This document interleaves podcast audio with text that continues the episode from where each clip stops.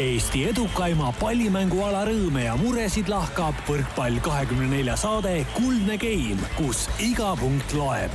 taustajõuna hoiab mängul hoogus ees Kredit kakskümmend neli tere, austatud kuulajad, maha on sadanud lumi, aga ühtlasi on maha sadanud ka reede, kolmas detsember ja Kuldse Game'i saatesarja saja kahekümne esimene osa rõõmsas tujus on tervitamas kuulajaid neli võrkpalli armastavat inimest, Rivo Vesik, Andres Toobal, Mihkel Uiboleht ja Karinaldo, tere meile kõigile!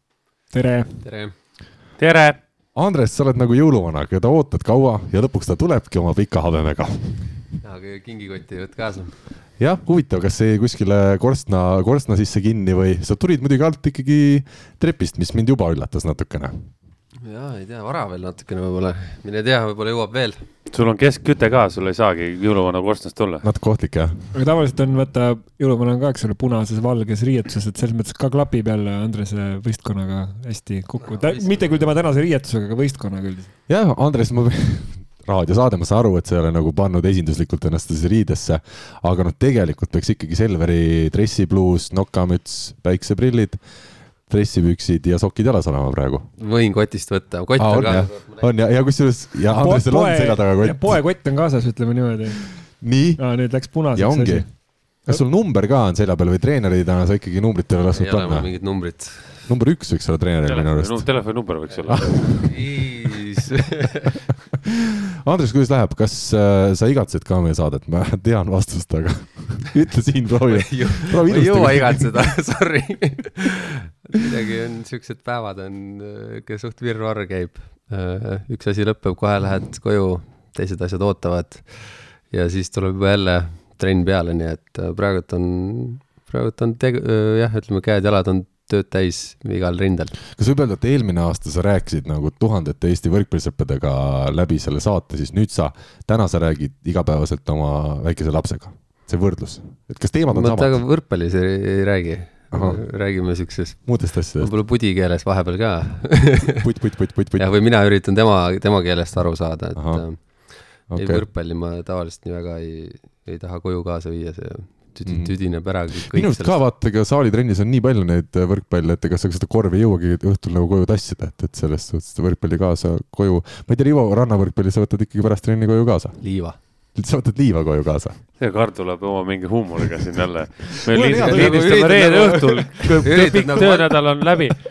alguses oli jutt, teeme lühikeselt täna ja siis üritad midagi vastu öelda, aga nagu tegelikult sa ise ei ole midagi öelda, ei ole vaja öelda mitte midagi. jah, on kõige parem vastu, jah. ei, ma ütlen ausalt, mul on väga hea tuju täna. mul täna on jälle, on saanud äh, rannavõrkpalli, noh, Eesti rannavõrkpalli, ütleme suure, suur selline sõna äh,, edendamisega tegeletud ja turniiri korralduseks, see on, see on üks meeldiv töö, eks, eks Rivo teab, kuidas rannavõrkpall, see panebki, see toobki sul päikese tuppa isegi siis, kui ei ole suvine aeg. jah, see turniiri korraldus on muidugi väga puine, sa tead ise ka seda väga hästi, aga, aga jah, edendama peab kuidagi no,. aga päikest, kas ta nüüd päikest toob, tegelikult on ju, kõik on väga halb ja raske elus, elus üldse. ma olen täna hakanud olema see mees, kes tõmbab Karli jõhkralt alla. et nagu kui ta sinna õhtul sünnipäeval läheb, siis ta on morn ja masenduses. aga Rivo ütleb seda naeratusnäol seda. kõik saavad sõimata. halb ja raske ise naeratada. sünnipäeval, sünnipäeval saad kõik sõimata. Rivo jah, see ei ole nagu usutav praegu, sa siukse mõnusa hea tujuga ütled seda. tuppa sisse, paneb sünnipäeval astritega pikki pead, no mis sa naerad sinna, sa vanaks said, kakskümmend kaks jälle see, et see, et mina olen õhtul sünnipäeval muidugi ei ole meie tänase saate põhiteema. Mihkel, ma küsin, kuidas sinul vahepeal läheb? Belgradi partisan on nüüd löödud Flora poolt. kas Eesti jalgpallis on noh, enam paremaks siis, noh, raha tuleb juba mitte Flora uksest ja aknast. aasta võistkonna ei no seda niikuinii. isegi korvpallikoondis, kes EM-ile ei pääsenud sinna kes siis veel, kes, aga kas korvpallikoondis sai ju eelmine aasta? vist, eks ole, jõudis EM-i. ei, nagu Rivo paneks iga kogu aeg. no ma vaatasin, et üks äh, meie saate oli ja ma igaks juhuks nimest ei nimeta, kandideerib ka aasta treeneriks, et võib-olla me peaksime ka mingi väikse aktsiooni. Andres, sa juba aasta treeneriks kandideerimas ei, sina võiksid, Karl, ju kandideerida aasta sportlaseks oma poolfinaali kohaga ikkagi Eesti meistrivõistlusel. ma praegu teen alles äh, treeneri kategooriat, et ma ei saa kuhugile. aga kas Rivol on kategooria? kuule, aga Eestis on niipidi, et enne. see on Venemaa kategooria küsimus, et see on, see on sihuke skandaal oli sellega, et seda üldse saada. Karli Allik kasutas nagu alati seda lauset Vene reeglitega. aga oota, kuidas sul on, Rivo, kes sind siis Eestis õpetasid, et sa, et sinust sai üldse ametlik rannavõrkpallitreener? Äh, ei no ma seda praktika poolt ei pidanudki tegema ah., et mul tuldi vastu, tehti erand ja ainult üldained tegin ära ja aga ma küsin, Arvestati miks varas-, arve- miks erand tehti? arvestati varasemat õpi- ja töökogemust. aga mis on need erand, mina ei näe ühtegi klauset, miks sulle peaks erand tegema? Äh, jah, ega mul ei peakski, väga paljudele peaks eraldi See, tegema et-. tegema. see, et sa venelasi oskad hästi treenida, see on ju teine asi, meil siin Eestis, Eesti inimene, noh, see on, mina ka, ma võin öelda, Nii. nii kuidas mina vähemalt selle erialase poole saan läbi, ongi see, et tegelikult ma olen käinud, ma arvan, piisavalt nendel koolitustel ka, aga ma pole kunagi kirja pannud, sest Nii. ma olen, ma olen saanud neid nagu niisama kuulamas käia äh, ja, ja, ja suvel ka, kui oli siin see, itaallased tegid neid, siis ma olin vahepeal tõlgiks ja nii edasi, onju. aga kolmas kategooria, sa saad või ikkagi selle nii-öelda algsema kategooria ehk siis abitreeneri, saad sa ka siis, kui sa oled mänginud neli aastat kõrgemas liigas. siis selle eest nagu sa saad selle nagu nii-öelda punktid jagad. kätte, erialased punktid kätte Mm. aga selle baaskursuse need või noh, need, need Üldained. üldained ja need pead nagu tegema ikkagi EOK selle või noh, ütleme siis Tallinna Ülikooli alt või näiteks Tartu Ülikooli alt ära. Rivo ütles, kui nüüd vaata, nüüd on, Mihkel, näed sa, nüüd on Rivo juba ei no ta väsinud. on, ta on tõsine, aga, aga ma tahtsin selle, kui sa küsid, kuidas läheb, et ma Jah. üldse selle sissejuhatuse kohta ma alati mõtlen, et kui paljud kuulajad on need, kes äh, kaifivad seda sissejuhatust, et noh, see viib ju mingis mõttes nagu meeleolu, meeleolu õigesse meeleollu, aga kui paljud on need, kes nagu kerivad siis seda linti edasi, et noh, millal te mehed nüüd hakkate okei. asjast rääkima. neli minutit, see on, see on nagu stabiilselt neli-viis minutit saab kohe edasi tõsta. et, et huvi, huvitav oleks nagu mingi statistika teada, et paljud nagu seda jauramist viitsivad kuulata, ma olen sihuke kärsitu loomuga, ma tahaks kohe nagu asjalikuks minna, aga siis äh, Karl tõmbab alati sa ei nagu selliseks saa, nagu. Mihkel, sa ei saa, meil, meil on spordisaade, me peame sooja tegema. jah, oh, väga õige, spordi juures on soojendus. sa saad kohe hakata maailmarekordit jooksma. see on teil õige, aga ma ei tea, maailmarekordit hakatakse jooksma kohe, pärast sooja. nii kui pauk käib, hakatakse kohe jooksma, kui sa hakkad hiljem jooksma, siis ei tule maailmarekordit. teine variant on Mihkel, et me, me tuleme siia varem, võib-olla neli tundi varem, teeme naljad ära ja siis, kui me oleme väsinud sellest No, soojendusest, siis hakkame saadet ise, tegema. isegi tulime täna Andresega natuke siin, mis see veerand tundi varem mm -hmm. olime Mhm. kohal, et siis äh, ma hilinen, ma palun vabandust ka pealtvaatajate ees või Pealt- kuulajate ees. pealtkuulajad. pealtkuulajate kümme minutit hiljem tuleb sinu, sinu see jutt siis. jah, Rivo jutt tuleb kõik kümme mintsi hiljem täna. kuule, aga Mihklist siis õppust võttes äh, lõpetame selle sissejuhatuse ja läheme väga tõsise. meil lobisemisest. palka ei maksta.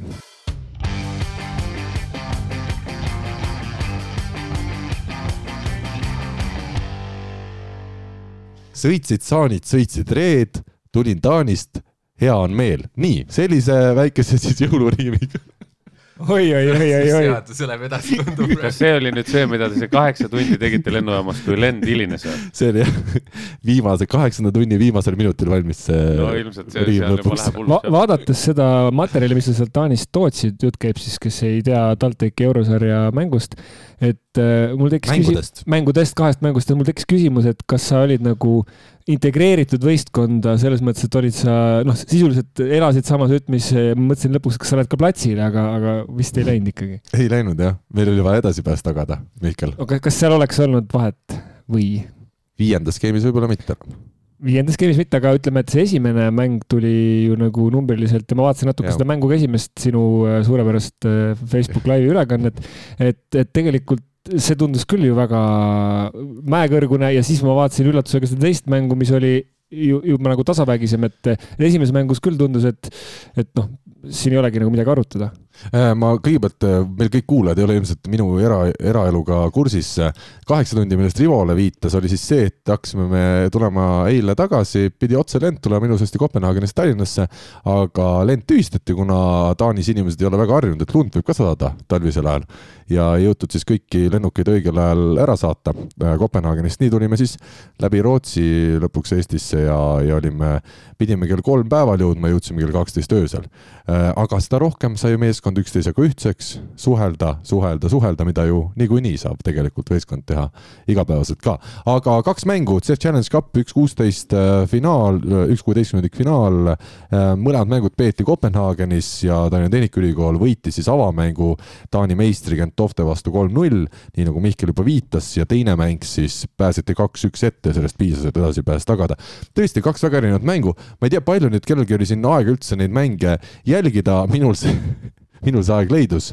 Ja, ja tõesti oli kaks täiesti erinevat mängu, et, et esimeses mängus TalTechil kõik õnnestus, ma ei ütle, et see vastasmeeskond kehv oleks olnud aga, aga no kuidagi ei saanud, ei olnud seal võimalik vastu saada ja teises mängus eks ilmselt TalTech ikkagi natukene tuli liiga mhm. pehmelt peale ja kohe karistati ära, sest tegelikult amatöörvõistkonna kohta, millest me jõuame ka rääkida täna, on see Gentovte ikkagi väga korralik võistkond. kas sul on need game'i numbrid käes esimesest mängust just? Äh, kakskümmend viis, üheksateist, kakskümmend viis, kakskümmend, kakskümmend viis, kakskümmend üks oli. just, ma mõtlesingi, et sisuliselt seal nagu ei tekkinud nagu väga. kaheksateist, üheksateist, kakskümmend, mul on statistika ah, no, ees. et noh, seal ei tekkinud nagu mulle tundus ka numbrite järgi ja ka selle mängupildi järgi, et noh, ei olnud nagu väga sihuke, tundus selline selle mõne siukse Läti, Läti, Läti siukse satsiga sellest selle aasta siin kodusest äh, liigast, kui, kui vaadata nagu, nagu see mäng oli no., aga, aga ma ei tea, kuidas see koha peal tundus. minul ei tundunud, mul tõesti tundus, see mäng oli üsna korralik, see esimene mäng, et äh, kui ma võrdlengi Läti võistkondadega, keda, keda mina nagu sel hooajal ei ole väga kiitnud, et mulle tundub ikkagi väga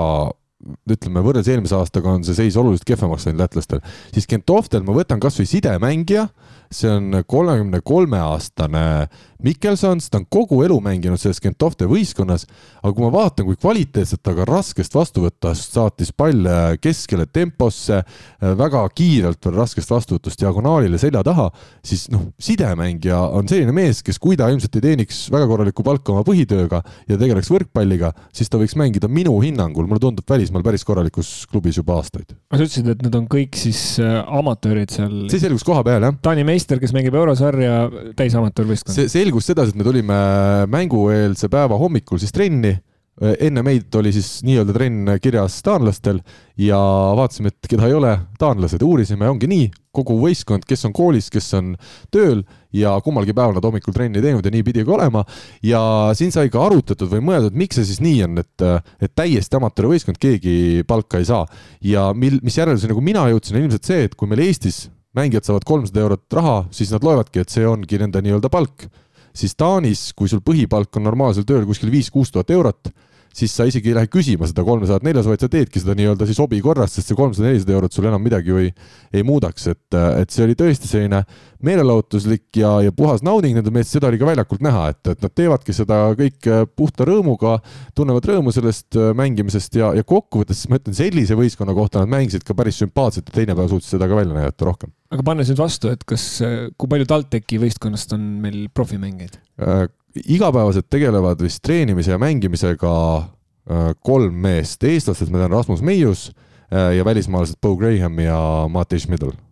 ehk siis tegelikult nagu selle koha pealt nagu väga Kevin suur... Saar, äh, kas mm. ka äkki või? aga selle koha pealt siis nagu väga suurt vahet ju ei ole või et, et ka meie võistkond, kes osales, lihtsalt tegemist oli meie meistriga, aga on ka sisuliselt ju harrastus võistkond selles mõttes, et profe on seal, nagu sa loetasid ette, kolm või neli. ja, jah, noh, jah, ütleme, see juba ongi see minu arust see taustsüsteem ja see ühiskonnad mm. on nii erinevad Taanis ja Eestis, et, et selles suhtes raske võrrelda, aga jah, kindlasti ei ole ka TalTech täisprofessionaalne võistkond, see on selge. aga kindlasti TalTechi, ma arvan, pluss on see, et seal on mängijad, kes on olnud värskelt profimängijad ja kelle taust on ka noh, nagu rahvusvahelises mm -hmm. võrkpallis olemas kuule, aga ma annan. seegi, et seal on ju sees, TalTechil on sees ju, kes on ju ise välismaal mänginud, et see on, see tähendab hoopis midagi muud, kui sa oled ka koduses liigas lihtsalt profina olnud, kui sa samal ajal elad kodus ja kõik samad argimured on olemas, on ju, aga see, kui sa lähed ikkagi aastaks kuhugile välja ja sul on sinu ainult üks eesmärk on seal võrkpall ja ega sa midagi muud ei teegi, siis, siis see tegelikult annab päris palju juurde. ja rääkisin ka seal siis jah, klubi inimestega, nad ütlesid, et, et see Gentofte ongi selline võistkond, mis on siis Taani parim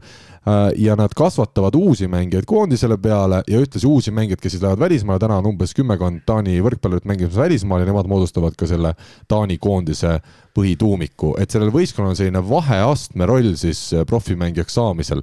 et äh, päris, päris huvitav oli seda jälgida, lihtsalt ma ütlen jah, võib, võib-olla ma olen natukene liiga selline joviaalne siin seoses selle Gentofte meeskonnaga, aga tõesti, kui ma sain teada, et need mehed keegi palka ei saa ja vaatasin, kuidas näiteks see sidemängija tegutses, diagonaalründaja Sörensen samamoodi, minu arust väga korralikud mängumehed mõlemad, et siis ei saa öelda, et, et see oleks nagu amatöörvõistkonna tasemele vastanud, see mängupilt.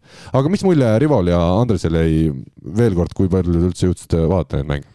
Ma just sellepärast hakkasin vaatama, mul on siin see esimese mängu statistika ees, et ähm, sa ütlesid, et äh, viskas väga ägedalt kuskilt kaugelt temposse, aga aga kui tempode siin rünnakuprotsent on kolmkümmend kolm ja nelikümmend kolm, siis aga palju teises mängus oli ma jään kohe väga, ja mul on selline visuaalne visuaalne pilt Mm. silme ees. hmm,. kohe vaatan üle, nii.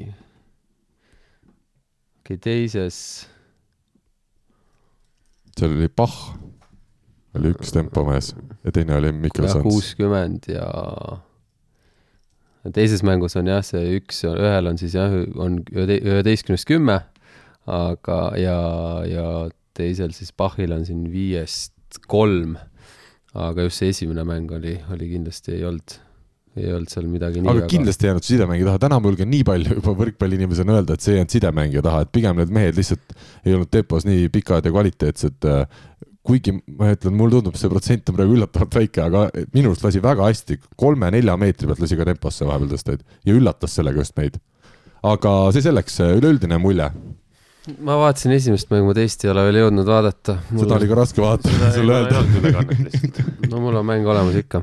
Aa, noh, seda küll, jah. nii. See on mees. mingid oma kanalid. Mihkel Sagar, jah, aga see lähevad, meile lähevad kõik mängud äh, panka ülesse, nii et aga miks see, aga miks see, oot-oot-oot, mis panka? inimesi huvitab. miks on üks pank. miks, ei, ei tohtinud seda ülekannet teha? see on nüüd huvitav teema, tegelikult on, mis selle ettevõtte nimi on, CEF on teinud kaheteist aasta pikkuse koostöölepingu siis Infrontiga, sihuke firma on vist, kellele siis kuulub kõik need eurosarjad, ükskõik millised, nende siis ülekannete edastamise õigus, ehk siis kui tahaks teha, siis peab vist nendega suhtlema. ei no Aga- see, selles suhtes ju eraisikuna mina võin saalis panna kaamera tööle või või või? vot seda nüüd ma, ma ei ole juurat õppinud ja ei plaani õppima ka minna, et kus need piirid jooksvad, ma arvan, ja kui siis endal teed, siis võib-olla, võib-olla tõesti. siin oleks pea, peaks praegult mingi siukse teise kursuse, ei, teise Aa. kursuse juuratudengi juurde minema, siis see karjuks kohe, mis, mis su käed eemal on, ma olen Jah. juurat õppinud.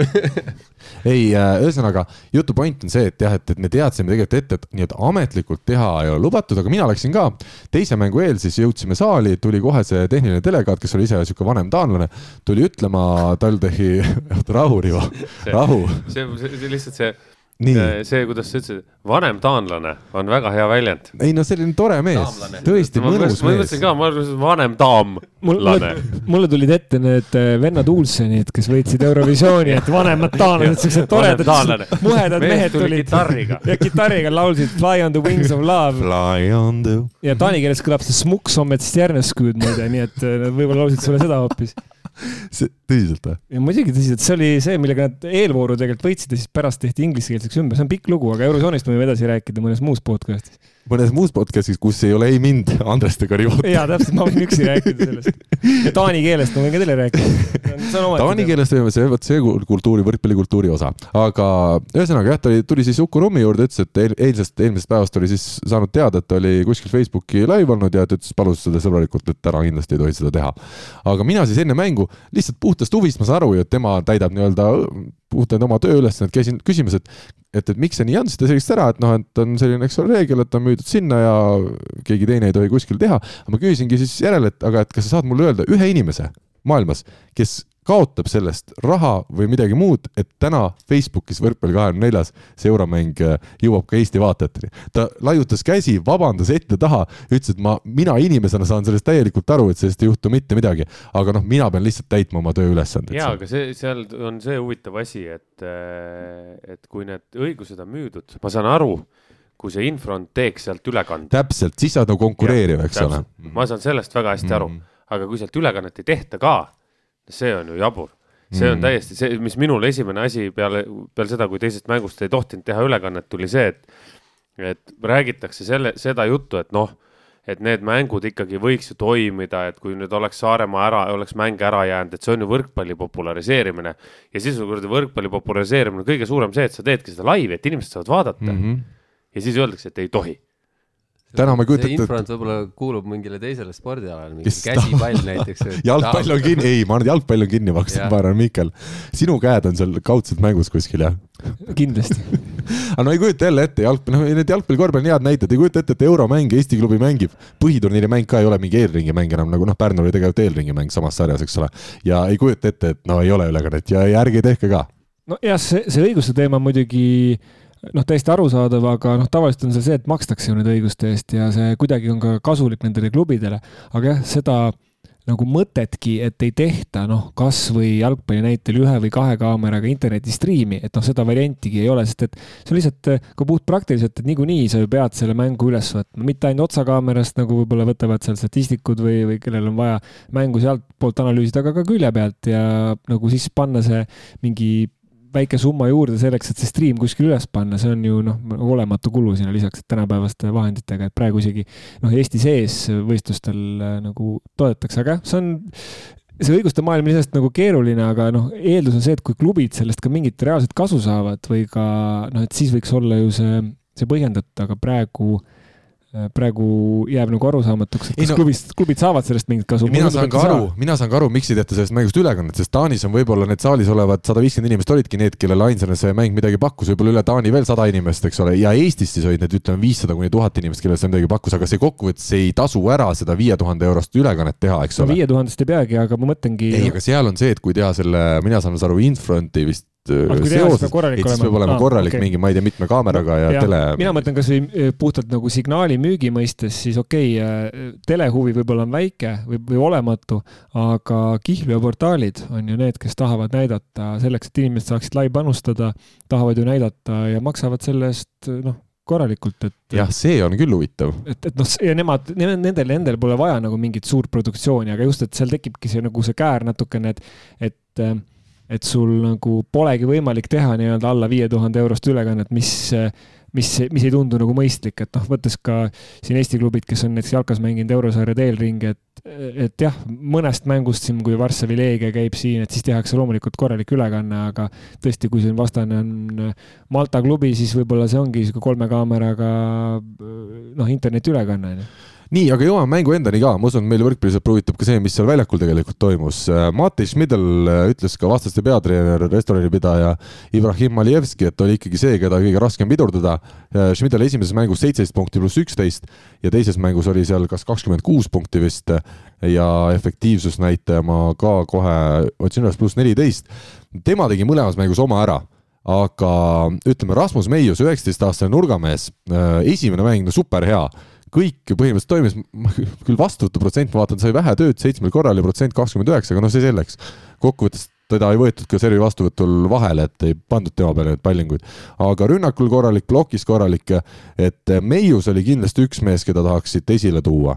ja noh, kuidas öelda, ütleme Martti Keel vana seaduses esines Kevin Saared, Mihkel Tarnjad on meie jaoks tuntud äh, ka, ütleme, kvaliteediga mehed ja noh, välismaalased äh, Schmidl ja, ja Graham ka, ütleme, ongi selleks võistkonna toodud, et, et teha tugevamaks seda.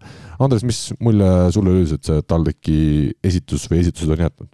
ei, selles mõttes korralik mäng jah, ma just nagu ongi see, et okei okay,, Meius nagu võib-olla paistis silma, aga samas, kui ma vaatan siin Saare statistikat ka lõpuks on ju, siis Kevin Saare just, et üheteistkümnest üheksa pall, üheksa maha, et et siis, äh, siis ongi, et ta on saanud saanud äh, küll kaks korda vähem tegelikult rünnata, rünnata, aga põhimõtteliselt on juba peaaegu sama palju maha löönud kui, kui Meius, ütleme kahekümne ühe tõstega enne, et et ähm, jah, kui numbreid vaadata, siis on nagu tegelikult nagu asi väga selge, et äh, kui ma nagu seal alguses telefoni pildist vaatasin seda, siis, äh, siis ma ka nagu väga ei näinud, et seal mingit hulluks action'iks oleks läinud, et tegelikult nagu suhteliselt kindlalt, et kui, kui juba vaadata nagu nagu selliseid äh, kuueteistkümne punkti peal palju oli, on ju, siis tegelikult ju TalTech oli iga kord oli siin äh, nelja-viie punktiga ees, et siis tegelikult see on nagu, see on niisugune märk, et äh, noh, siin on kõik, kõikides game ides oli ka kahekümne ühe peal oli seis, oli kakskümmend üks, kuusteist kõik nagu,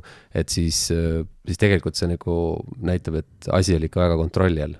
Aga, aga tõesti ka võistkonnal õnnestusid kõik asjad, et teine päev me nägime, et äh, nagu meie ka ise pärast ütlesite, oli selline algusest peale selline kõva punnitamine ja teie nüüd spordimeestena olete olnud taolises olukorras, kus võib-olla esimene mäng on võidetud kindlalt ja teine mäng lihtsalt või, või üleüldse on mõni mäng, kus sul ei tule asjad välja, kas, kas võib nii täiesti olla või? no eks see on vaata hästi palju on, võrkpall on seotud enesekindlusega ka, et kui sa oled, kui sa oled hästi enesekindel, algus hakkab tulema suudad seda jätkata, see nagu lähebki nagu väga hästi ja siis sa alustad äh, äh, mängu, kus, kus sul on tegelikult tead, et sul on noh, väga palju ei ole vaja võita ja vastane tundub nagu ikkagi natuke nõrgem ka ja, ja ja sa alustad ja kaotad väga raske game'i kolmkümmend, ma ei tea, kaks, mis see oli, kolmkümmend kaks või midagi niisugust, on ju.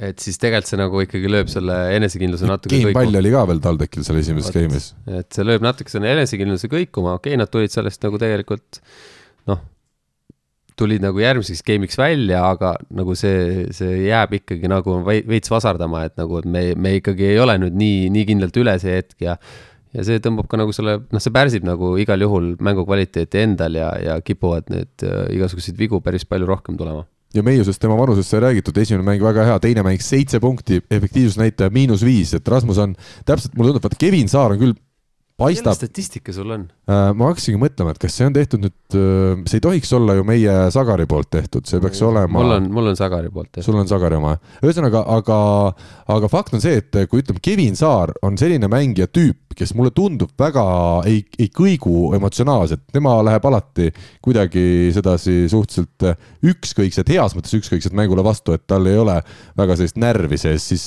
Meius noore mehena, esimene on väga hea partii ja teine, teine päev kukkus ära, ei hakanud algus õnnestuma ja, ja läkski lappesse. Kevin Saar kõikus täpselt samamoodi, kui ta oli Rasmus Meiuse vanune, et me just. olime temaga esiliigas koos ja, ja ka meistriliigas olen mingite trennidega koos teinud. see on puhtalt kogemuste teema, teine asi on see, millest Andres rääkis, minu arvamus on, on selline, et kui minna võitma kahte geimi, kahte geimi on alati raskem võita kui kolme geimi, et sa keskendud mingisugusele, mingisugusele tegelikult nagu lollusele on ju, et noh, nüüd meil on vaja võita ainult kaks geimi ja me hakkame siin mingit midagi tegema ja vastane on nõrk ja nii edasi, nii edasi, nii edasi. me täna just äh, rääkisime kahe või kolme tuttavaga sellest, et mis on, mis on nagu vastase austamine. mis on kõige suurem vastase austamine, kui sa oled tast tugevam, siis sa lähed võidad selle mängu nii, et sa oled tast tugevam. et sa ei hakka jõnksutama, sa ei hakka nagu midagi andma kellelegi kuidagi seal mingit asja.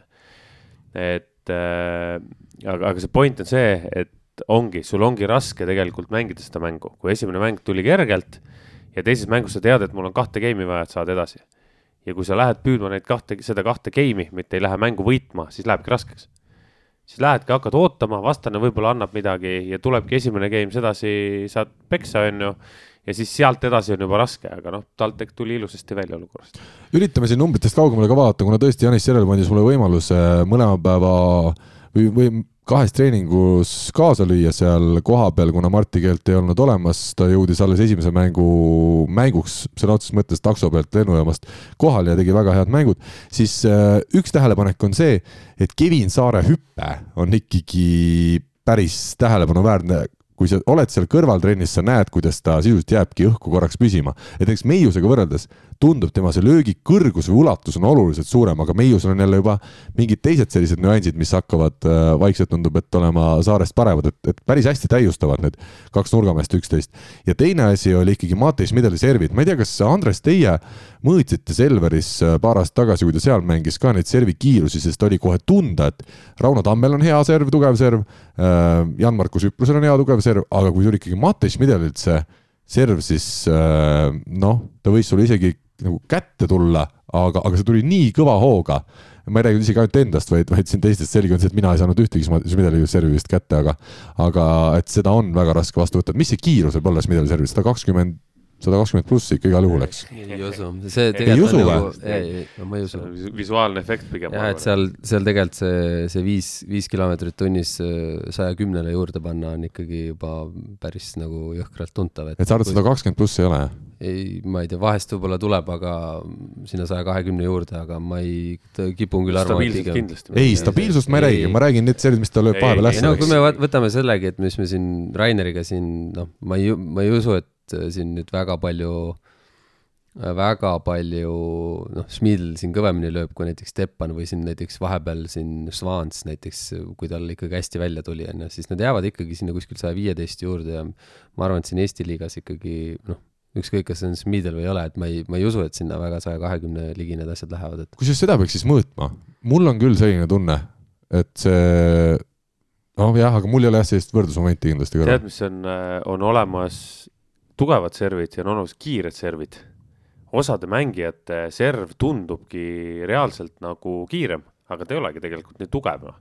või selles suhtes, et see- ta visuaalselt lendab nagu kiiremini, kas see tuleb siis käe pealt kuidagi mingi tehnika teema, aga osad löövadki, löövadki tugevalt. Ja seal on see variant ka, et natukene võib-olla, kui pikalt see pall lendab, kas see, kas see tuleb Kui ülevalt alt, ülevalt alla. ta tuleb ja ja, ja kas ta hakkab natukene seal õhus planeerima ja, ja nii edasi, et see, see on natuke teine. ma ei tahaks uskuda, me, me ei mõõtnud kindlasti see aasta, kui Biroli siin oli, et me, meil ei olnud millegagi mõõta, aga aga ma nüüd ei taha jah uskuda, et see nüüd, kindlasti ta võib lüüa sinna saja kahekümne plussi peale ka ära, see on, ta on selleks kindlasti võimeline, aga aga ma ei tea, kas ta seda nagu mängus nii väga teeb, et see on võib-olla siis juba niisugune pigem proovimise koht, kus ta läheb nagu ikkagi nagu nii täiega lööma, kui no neid mehi, kes mängus löövad sada kakskümmend pluss, ei ole tegelikult Ei ole üldse palju maailmaski on ju. Rivo lõi planeerivat sada kakskümmend pluss kindlasti omal minu, ajal. minu servil oli eraldi hüüdnimi oli mopeed. mopeed, see tuli see nii, oli sihuke, see oli nelikümmend kaheksa kuni viiskümmend kaks kilomeetrit tunnis. et ta nagu katkes vahepeal juba. jah, jah, lõi tagant üles. nagu, mis see, kas Raul Reiter või mis ta ütles selle Inglibeer Ingli oli selle asja nimi. noored, Keit Pupati servist oli.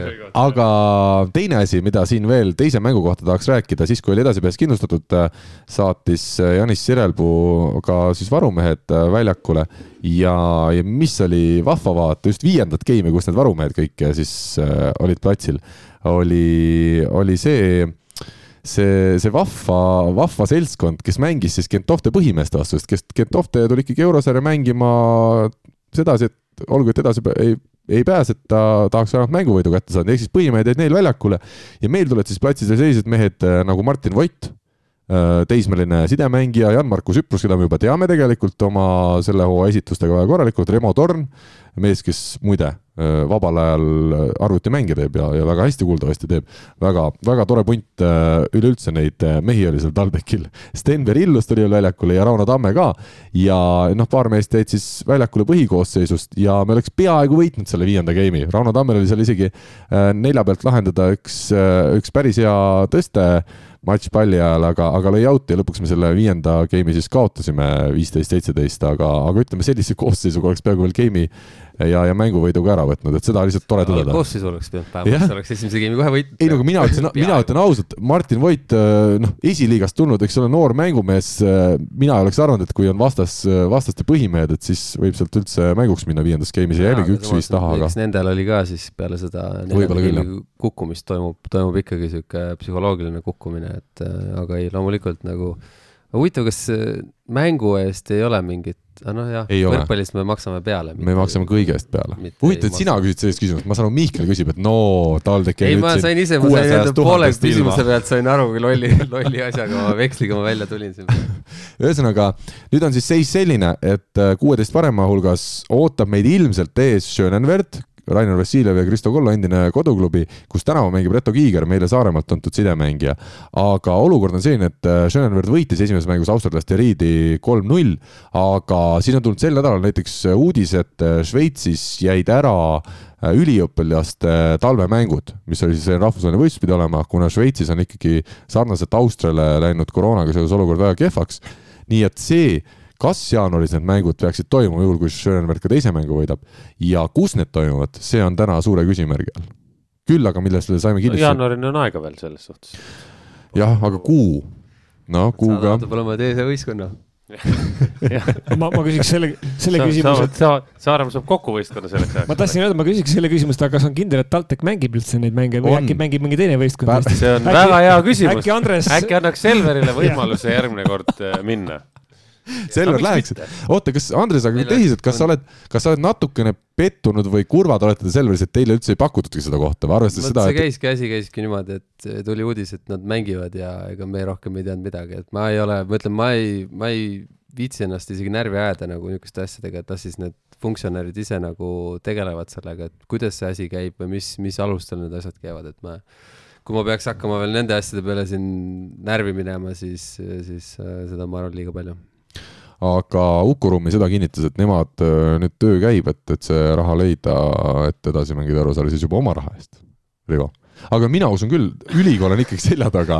ära, ära see- minu käest saan- küsi mitte midagi, see on nii, vabandust öeldes, see on nii idiootne teema.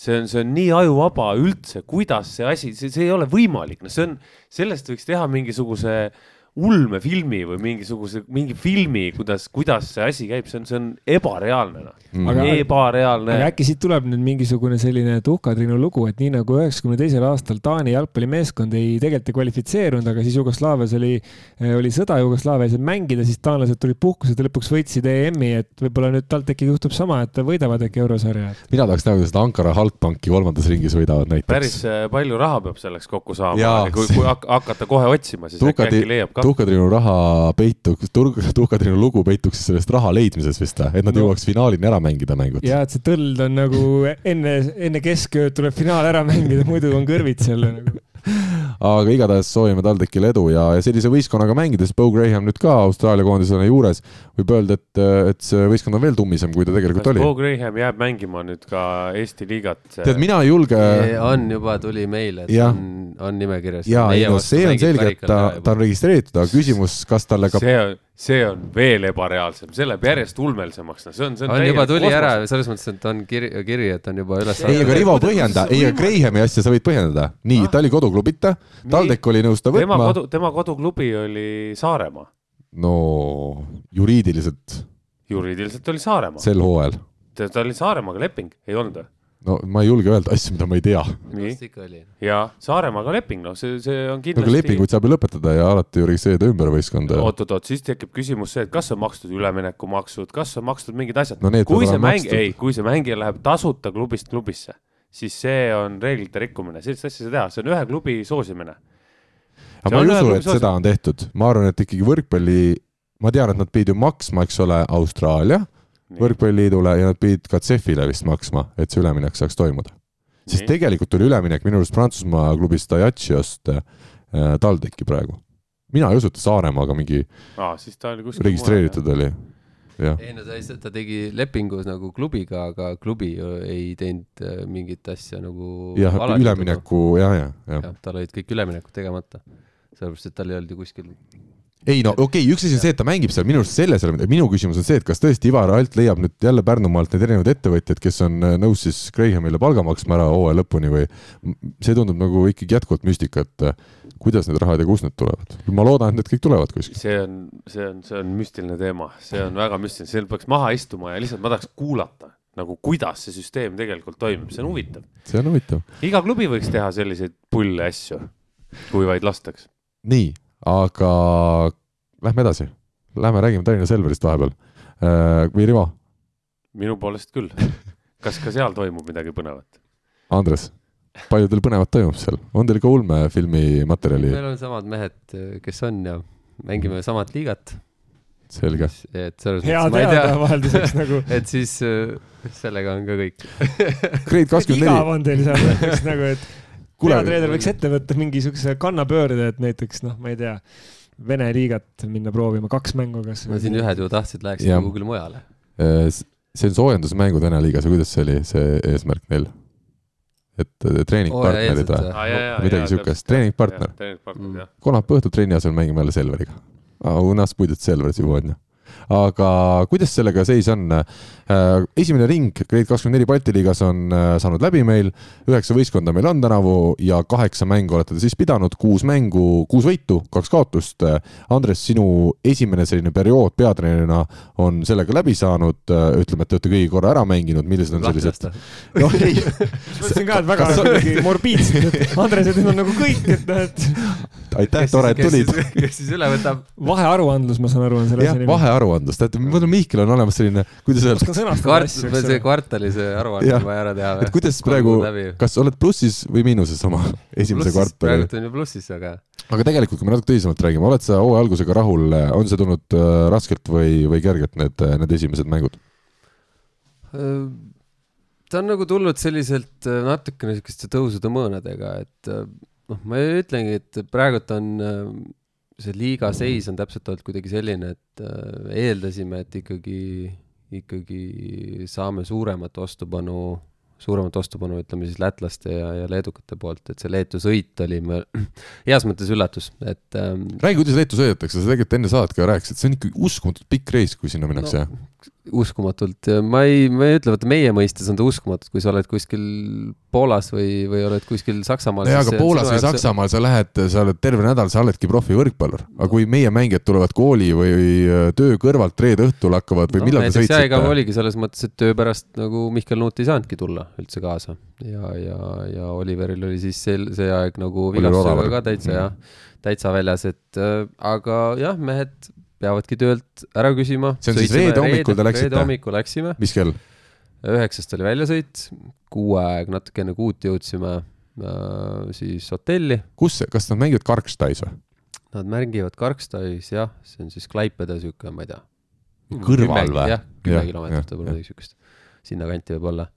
ja, ja hotelli, tegime väikse koosoleku, said oma asjad ära panna, läksime, tegime sellise kergelt siukest bussireisi siis äh, väl-, välja elava trenni, et äh, liigutad vaikse, vaikselt ja võiks mingid siuksed natukene lõbusamad paar mängu sinna sisse ja, ja igaüks saab natukene veel servida ja, ja, ja vastu võtta ja kes, kes võib-olla tahtis isegi natukene lüüa ja ja järgmine päev on ega midagi, siis on hommikutrenn ja siis, siis juba hakkad valmistuma, valmistuma, valmistuma mänguks ja teed väikse koosoleku veel ja vaadatakse videosid ja, ja selles mõttes oli, oli, oli minu jaoks positiivne, et jah, me läksime küll väi-, ütleme niimoodi nõrgendatud koosseisuga sinna, aga, aga meeleolu oli, oli sihuke väga-väga mõnus ja positiivne ja sihuke oli näha, et mehed olid platsi peal nagu sihukest võitlus, võitlusvalmidust täis ja, ja sihuke äh, sihuke mäng, kus tegelikult nagu lõppkokkuvõttes ega me nagu punktiliselt väga nagu ei su suurelt ei võitnud, seal olid vist enamus olid siuksed kahe punkti vahelised, aga kuidagi see, see rütm läks niimoodi, et me ei olnud nagu nii väga taga et me olime nagu pigem nagu ees ja sihuke kontrollitud ja kui, kui seal isegi väike mõõn tuli sisse, siis me suutsime sealt kohe nagu välja tulla, et et suutsime pea suhteliselt külma hoida, isegi kui need tulid nagu järgi või mida iganes, et aga natuke üllatas jah, ma, ma lootsin selles mõttes, et nad on tugevamad. kui vaadata siis videosid, mis nad lätlaste vastu mängisid, tundusid võimsamad ja, ja kuidagi said hästi kergelt nagu palli maha, et noh, üks-ühe vastu ja, ja niimoodi lõid nagu ikkagi suht nagu kindlalt ära, siis siis meie ja, ja vaatame, noh, oli sama TalTech ja, ja, ja ka Tartugi, siis, siis, siis on nagu ikkagi, kui nendel on vastas tugevamad, siis siis, siis nad ikkagi nii konkreetselt äh, ei suutnud neid asju ära lahendada ja tegelikult sealt ka enda nagu mängu siis pilt neil äh, lagunes räägime natuke personaalsemalt ka mängijatest, kui sa mainisid, Nuuti ei olnud ja ei olnud siis äh, Oravat, siis nende asemel mängisid Timo Lõhmus ja Pierce Johnson, see kaks nädalat tagasi siis Leedus peetud mängu, mõlemalt neliteist punkti. äh, efektiivsusnäitaja ka mõlemal sama pluss kuus, et tegid selles suhtes täpselt samasuguse mängu. aga kuidas sa nüüd äh, vaatad nende meeste just olukorda, ei Timo ega Pierce ei ole sul põhikoosseisu mängijad äh, suure osa, suures osas mängudest olnud, kas kas võistkond selles suhtes elab ja hingab ühte, ühte rütmi ikkagi, et, et Johnson ainsa välismaalasena ei ole ka veel pahaseks saanud, et kuulge, et ma tulen kaugelt-kaugelt ja mängida ei saagi? ei, aga ega tema ju saab väga hästi aru, et temal oli sihuke, ütleme nii, natukene õnnetu sihuke sisseelamine Eestisse ka, et tuli, tegelikult ta mängis Tartu vastu väga hästi need äh, treeningmänge. aga sealt siis korjas endale reie lihasesse väikse siukse, ta ei olnud isegi päris mikro, aga natuke suurem sihuke rebend et ja, ja, ja noh, kuidagi oligi, et ta alguses arvas, et ei ole hullu midagi ja et teeme väikse pausi, nädala pärast ta tegi sellele samale kohale uuesti.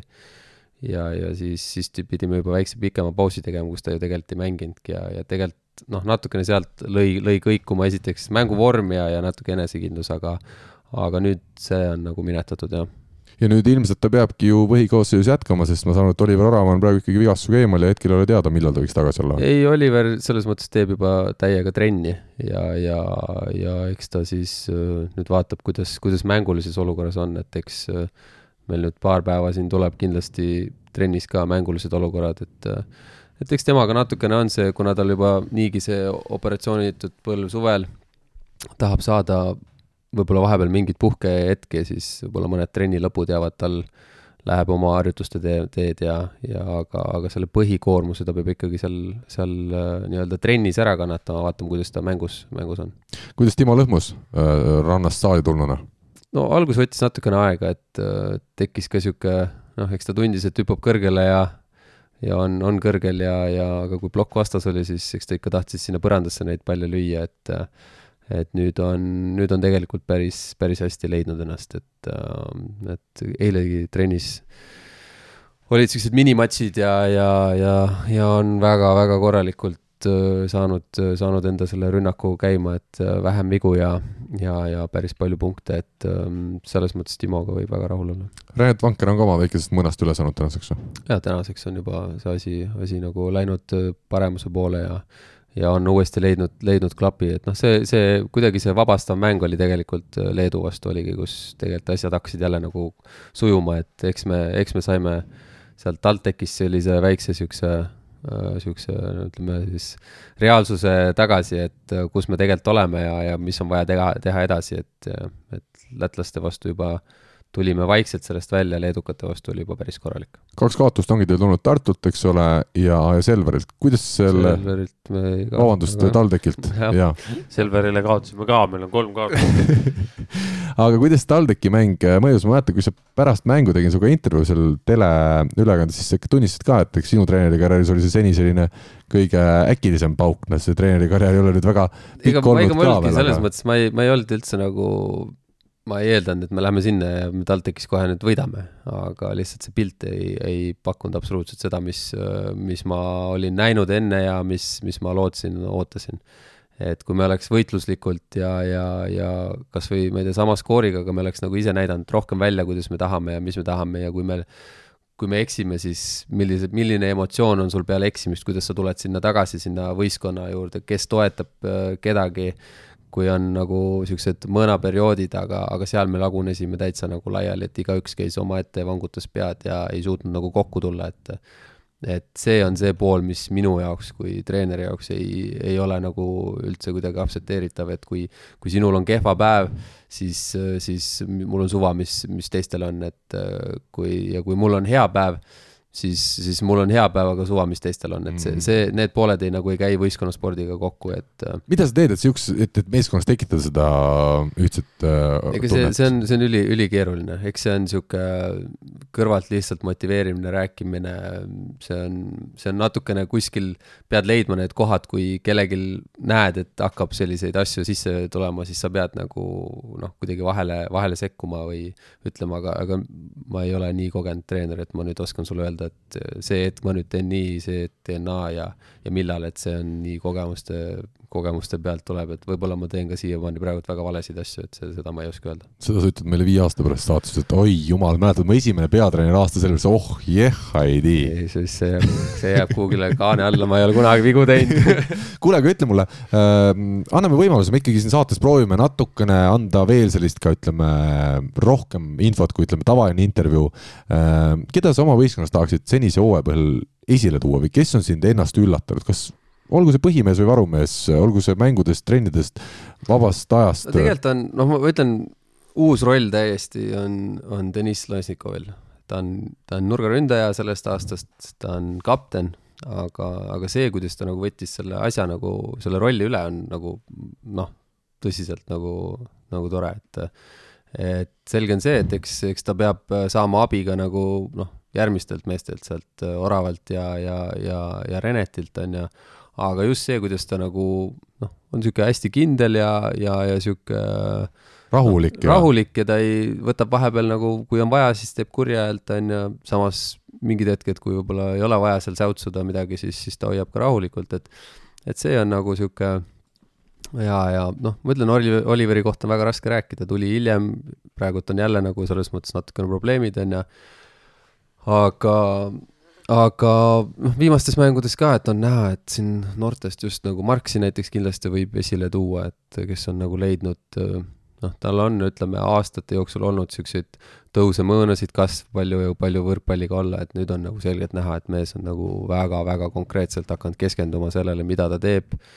palju ta koolis kõik asjad korras hoida ja, ja, ja, ja ikka täiega tuld anda trennis on noh, täiesti nagu selles mõttes teise laine peal, kui ma nüüd võrdlen mõnda teist äh, üleüldiselt nagu noorte, noorte seas praegult, et ega väga ikka ise ei tulda küsima, et kuule, ma tahaks mingit sihukest harjutust teha. ma võin seda öelda, et mul on kanadalane, kes, kes tuleb ja annab kogu aeg infot ja räägib, et ma tunnen seal natukene halvasti, kas äkki võiks midagi sihukest noh, et, et kas sa oskad midagi mulle soovitada, et, et mulle aidata näiteks seda. et äh, selliseid asju nagu väga palju ei tule. Aga, aga, aga üllataval kombel just Marx, kellest ma võib-olla ei oleks oodanud, et see aasta sihuke on, et eelmine aasta ka, ta tegi oma asjad väga hästi ära ja ta on hästi emotsionaalne aga see aasta on tunda, et ta nagu läheneb natukene teise, teise nurga alt ja on hästi-hästi siukse fokusseeritud. meil täna kohalikust liigast rääkides on väga Tallinna-keskne teema ja lõpetuseks ka, teil on kolm mängu detsembris ootamas ees siis äh, pealinna teise rivaali või oma peamise Tallinna rivaali TalTechiga, üks nendest on Grade kakskümmend neli Balti liigas ja kaks tükki nüüd siis karika poolfinaalis, nii et selles suhtes äh, ka sinu jaoks päris huvitav kuu on ees ootamas, väga tähtsad mängud. meil on jah, meil on nüüd üle niimoodi täpselt, et kolmapäev, pühapäev, kolmapäev, pühapäev ja on TalTech Tartu, TalTech, TalTech, nii et äh, söögi alla, söögi peale saame siin TalTechi, et äh, ei, eks ma arvan, et ei ole, ei ole kummagile võistkonnale lihtne, et see sihuke ühe, ühte jutti ühe võistkonnaga mängimine, et see on sihuke noh, eks igas, igast mängust teed mingid omad järeldused, aga aga, aga saab olema kindlasti sihuke päris, kas, kas nüüd õnnestub väga hästi või võib ka olla nagu päris, päris valus, valus kuu, jah. aga no. selles mõttes, et me oleme selle jaoks tööd teinud kõvasti ja ja ma arvan, et mehed on nagu valmis võitlusesse asuma ja, ja noh, mida ma ütlengi, et me, me ei ole võtnud niisugust sihti, et meil on nüüd vaja kindlasti keegi ära võita, aga et ongi, et meil on vaja piisavalt, kui me räägime, räägime sellest, et kuidas me mängime, et meil on vaja enda tase ära mängida ja seda võitluslikku poolt, et meil ei toimuks niisugust äralangemist, et see on nagu see esimene ja sealt juba edasi tuleb see tulemus ütleme siis lõpetuseks kiiresti selle teema juurde veel, et Tartu Bigbank äh, on esimese ringi järel Balti liigas kaotuseta, kaheksa mängu, kakskümmend neli punkti ehk siis maksimaalsed punktid ka kogutud. TalTechil kaheksateist punkti, Selveril kaheksateist punkti jagavad teist kohta ja Karkstai siis kolmandal kohal, pange tähele nüüd üheksa punktiga. ehk siis kolmandat ja neljandat kohta lahutab Balti liigas juba üheksa punkti, kaks ringis mängitakse sel aastal läbi Balti liigas omavahel jah, kaks, et seal ei mindud rohkema teed, sest noh, ei teatud, kui palju jälle seal võib mingeid vahesid ja pause sisse tulla, et siin Lätiga juba oli ohtlik, et mm., et mindi seda teed, et pigem mängida siis Eesti, Eesti meistrivõistlused natuke pikemad. aga head kuulajad, Mihkel ja Rivo ei ole mitte kuhugi kadunud, mõlemad on olemas. me suutsime nad vait panna. see on ilmselt küll, jah Mihkel. mitte sa, mitte me no,, vaid okay. Andres no, ikkagi, me kuulasime seda, mida spetsialist räägib, et Andrest pole ammu saates olnud ja me, me siin võime lobiseda iga nädal, aga nagu mees tuleb kord paari kuu jooksul ja siis peab saama võimaluse ja seda oli huvitav kuulata. Rival oli ka huvitav. nõus. nii, head sõbrad, meie teeme kiire vahekõlli ja siis oleme edasi juba järgmise plokiga kes võidab keda, kas sina oskad ennustada seda? spordiennustus portaalis Pahv Pahv lööb pahviks. Ja Pahvi spordiennustus, no mina sel nädalal muidugi eriti suure huviga selle rubriigi ette võtan. kolm mängu ma ennustasin, kõik kolm läksid pihta, muuhulgas siis Eesti korvpallikoondise äh, võit võõrsil Saksamaa üle mm valiksarjas, viis koma kolm oli koefitsient.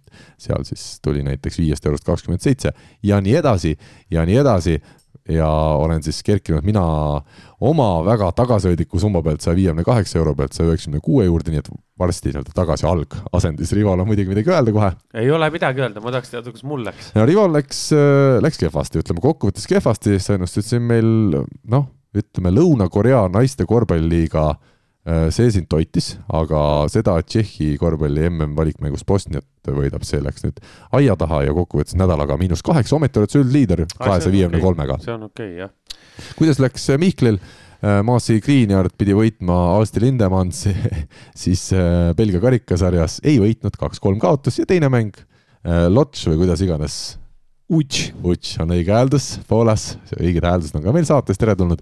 mängis siis Legionovoga ja tuli ka kaks-kolm kaotus, mitte nii nagu Muikil õnnestus, ehk siis Mihkel arvas, et väga napikad mõlemad. aga need väga napikad tähendavad, et sa langesid nüüd tabelis kas teiselt või kolmandalt kohalt, teiselt kohalt langesid kuuendaks, sul on sada üheksakümmend kaks eurot, nii et mina läksin sinust mööda vot. napilt läksid mööda. napilt läksid mööda, aga ma arvan, et äh, see eelmine nädal näitaski ära, et äh, võib-olla Karl peaks mõtlema äh, hoopis mõne korvpallisaate juhtimise peale. olen teinud. oled teinud, jah? aga seal jälle ka ei peeta mind asjadeks ei peeta ka, selge, selge. ja Alar siis. kõiges hea, aga mitte milleski väga hea või? Tallinna kümnevõistleja nii, Rivo. see, mul on selle kohta üks väga hea nimi, Rain Annuste. Treenimise maailma ta teeb need- kõike ja samas on igal pool kesk. mulle meeldib, vahel meie saates on, me oleme niigi siin nišiala, eks ole, võrkpall on, noh, ei ole ju kogu Eesti ei jälgi seda. ja siis on veel selles niši podcast'is on meil ka nišinaljad Rain Annustega, mida Ei, saavad umbes jaa, seitse inimest ei. aru. mina ütlen, mina ütlen konkreetselt äh,, konkreetselt ära. Rain Annuste on üks, üks Pärnu poiss, Paikuse poiss, kes teeb kõiki spordialasid ja kõiki spordialasid teeb väga keskpäraselt, väga keskpäraselt, et nii ongi. ja lõpetuseks ma ütlen lihtsalt, Alar ennustas kahtes Poola liiga mängu meil võrkpallis, mõlemad pani täppi, mõlemad mängud lõppesid kolm-null tulemusega, Alar kinnitas oma teadmisi Poola liigast, kus ta on ka treenerina töötanud. Alar siis kokkuvõttes meil kolmas kahesaja kaheteist euroga ja Rene on meil teine kahesaja seitsmeteist euroga, nii et Rivo ikkagi pikalt-pikalt ees. Andres, sa oled saja üheksakümne kaheksa euro peal neljandal kohal, kahe euroga minust ees hetkel, mis on sinu selle nädala sellised mõtted, oled sa juba midagi välja valinud? Ma just tegin lahti ja hakkasin vaatama, aga ma võtan siis kiiruga. meil on kõigil sedasi, alati On, me nii teemegi, aga kui on muidugi Mihklil või Rivol juba teada mingi lõuna minul on olemas juba ja. kas Põhja-Korea korvpallist seekord? ei, seal ei, tulemusi ei avalda, seal ainult võidetakse ei, mänge. ei, kas sa tead Põhja-Korea kohta, Rivo, et seal ei ole ühtegi mängu kohalikus liigas ühelgi spordialal kaotatud? kunagi. kõik võistkonnad ainult võidavad. ja seda ma olen kuulnud jah, ja, kõigil võistkondadel hooaja lõpus sada protsenti võiduprotsent. nii, aga ma kuulan sinu nii, aga minu täna on, ma lähen natukene välja enda mugavustsoonist. ehk siis räägid võrkpallist? ma ennustan asja, millest ma tean palju, aga mitte piisavalt. nii, ja see on e-sport. ai, sa ise manasid mind, kui mina ennustasin. ma olen e-spordi vastane, sellepärast ma ütlen ka, et ma olen natukene nagu see on nagu, et sa oled koroonavastane, aga lähed süsti tegema. jah, jah, sest diskole ju tahaks ikka, ja siin on samamoodi, raha tahaks, peab ennustama. ma panen äh, äh, sellise, sel-, ma ei tea, mis see tähendab äh,, Rainbow kuus on kirjutatud. ju see siis mingisugune turniir on ja seal mängib äh, Team Liquid, mängib Ninjas in Pyjamase vastu, ma ei tea, mida nad mängivad, kusjuures. aga ma tean seda, et Ninjas in Pyjamas on äh, favoriit üks koma kolmkümmend seitse, ma panen nagu ikka sinna viisteist eurot nii. Ninjas in Pyjamase peale. ja, ja teine, kus ma ennustan, on äh,, Ninjas in on pyjamas. Valorant, VCT Championships. See on ka e-sport või? ja see on e-sport, selge. mida nad seal täpselt teevad ja miks? ja miks, seda ma ei tea, aga ma panen, et äh, Vision Strikers võidab Fnaticut. ongi F N A T I C, Fnatic on võistkonna nimi. mis kohv? Üks koma kuuskümmend viis on Vision Strikersil ja viisteist eurot läheb sinna ka. Ja vaatame, mis, mis siis sellest saab. raisatud kolmkümmend eurot seekord Rivo poolt no mul on, mul on, mul on nagu mingi sisetunne, et, et ma ikkagi seekord ka võidan. aga Mihkel, mida sinu teadmised ütlevad? minu jah, ma jään ka truuks tavalistele ennustustele, nii nagu Rivo siin eh, enam-vähem. et eh, no ma mõtlen Rivo puhul siis nagu mingid ulmeasjad, et Korea, Korea, mis seal oli eelmine kord, Korea. Lõuna-Korea korvpall naistel. Lõuna-Korea korvpall on ju, et siis ma jään ka võrkpallile truuks, et ähm, äh, Soome meistriliigas on Hurrikaani ja Tiigerid. mul oli sama asi ees ja Andresel ka. ja, aga te võite ju teistmoodi ennustada, sest mina ennustan seal, et Tiigerit võidab ja mm. Kuigi seal on koefitsient mõlemal võrdne üks koma kaheksakümmend viis, aga ma panen võõrsil mängiva Tiigerit võistkonna peale. viisteist. jah. ja siis on äh, Bulgaaria superliigas, tahaks küll naiste oma ennustada, aga Pahv ei paku koefitsiente millegipärast. aga Bulgaaria meeste superliigas on äh, väga põnevad mängud, sest tabelinaabrid on omavahel vastamisi. aga seal on siis äh, Marek Tupnitsa mängib Dunaviga täna ja seal on niimoodi, et äh, Dunav on, mängib võõrsil ja on, on ilmselge outsider koefitsiendiga kaks koma null, nii et ma panen nende peale. nii, Andres, ähm,. ma alustan snuukriga, polegi ammu vaadanud tegelikult, üks päev tegelikult vaatasin, aga, aga liiga vähe mm. -hmm. äh,. ma pakun Tšao ja siis Lisovski mängivad äh,. ma panen Lisovski peale, Jack Lisovski peale, üks punkt seitsekümmend viis on koefitsient. selge.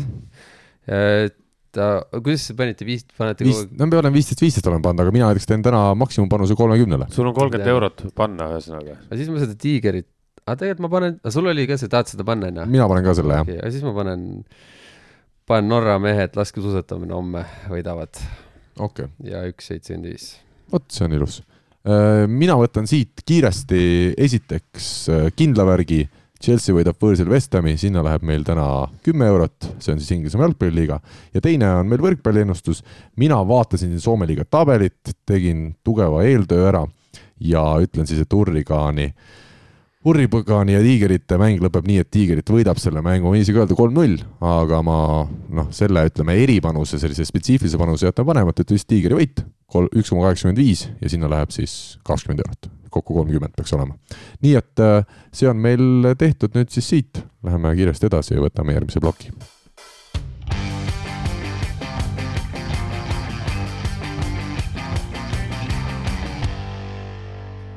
Первый танец берут женщины.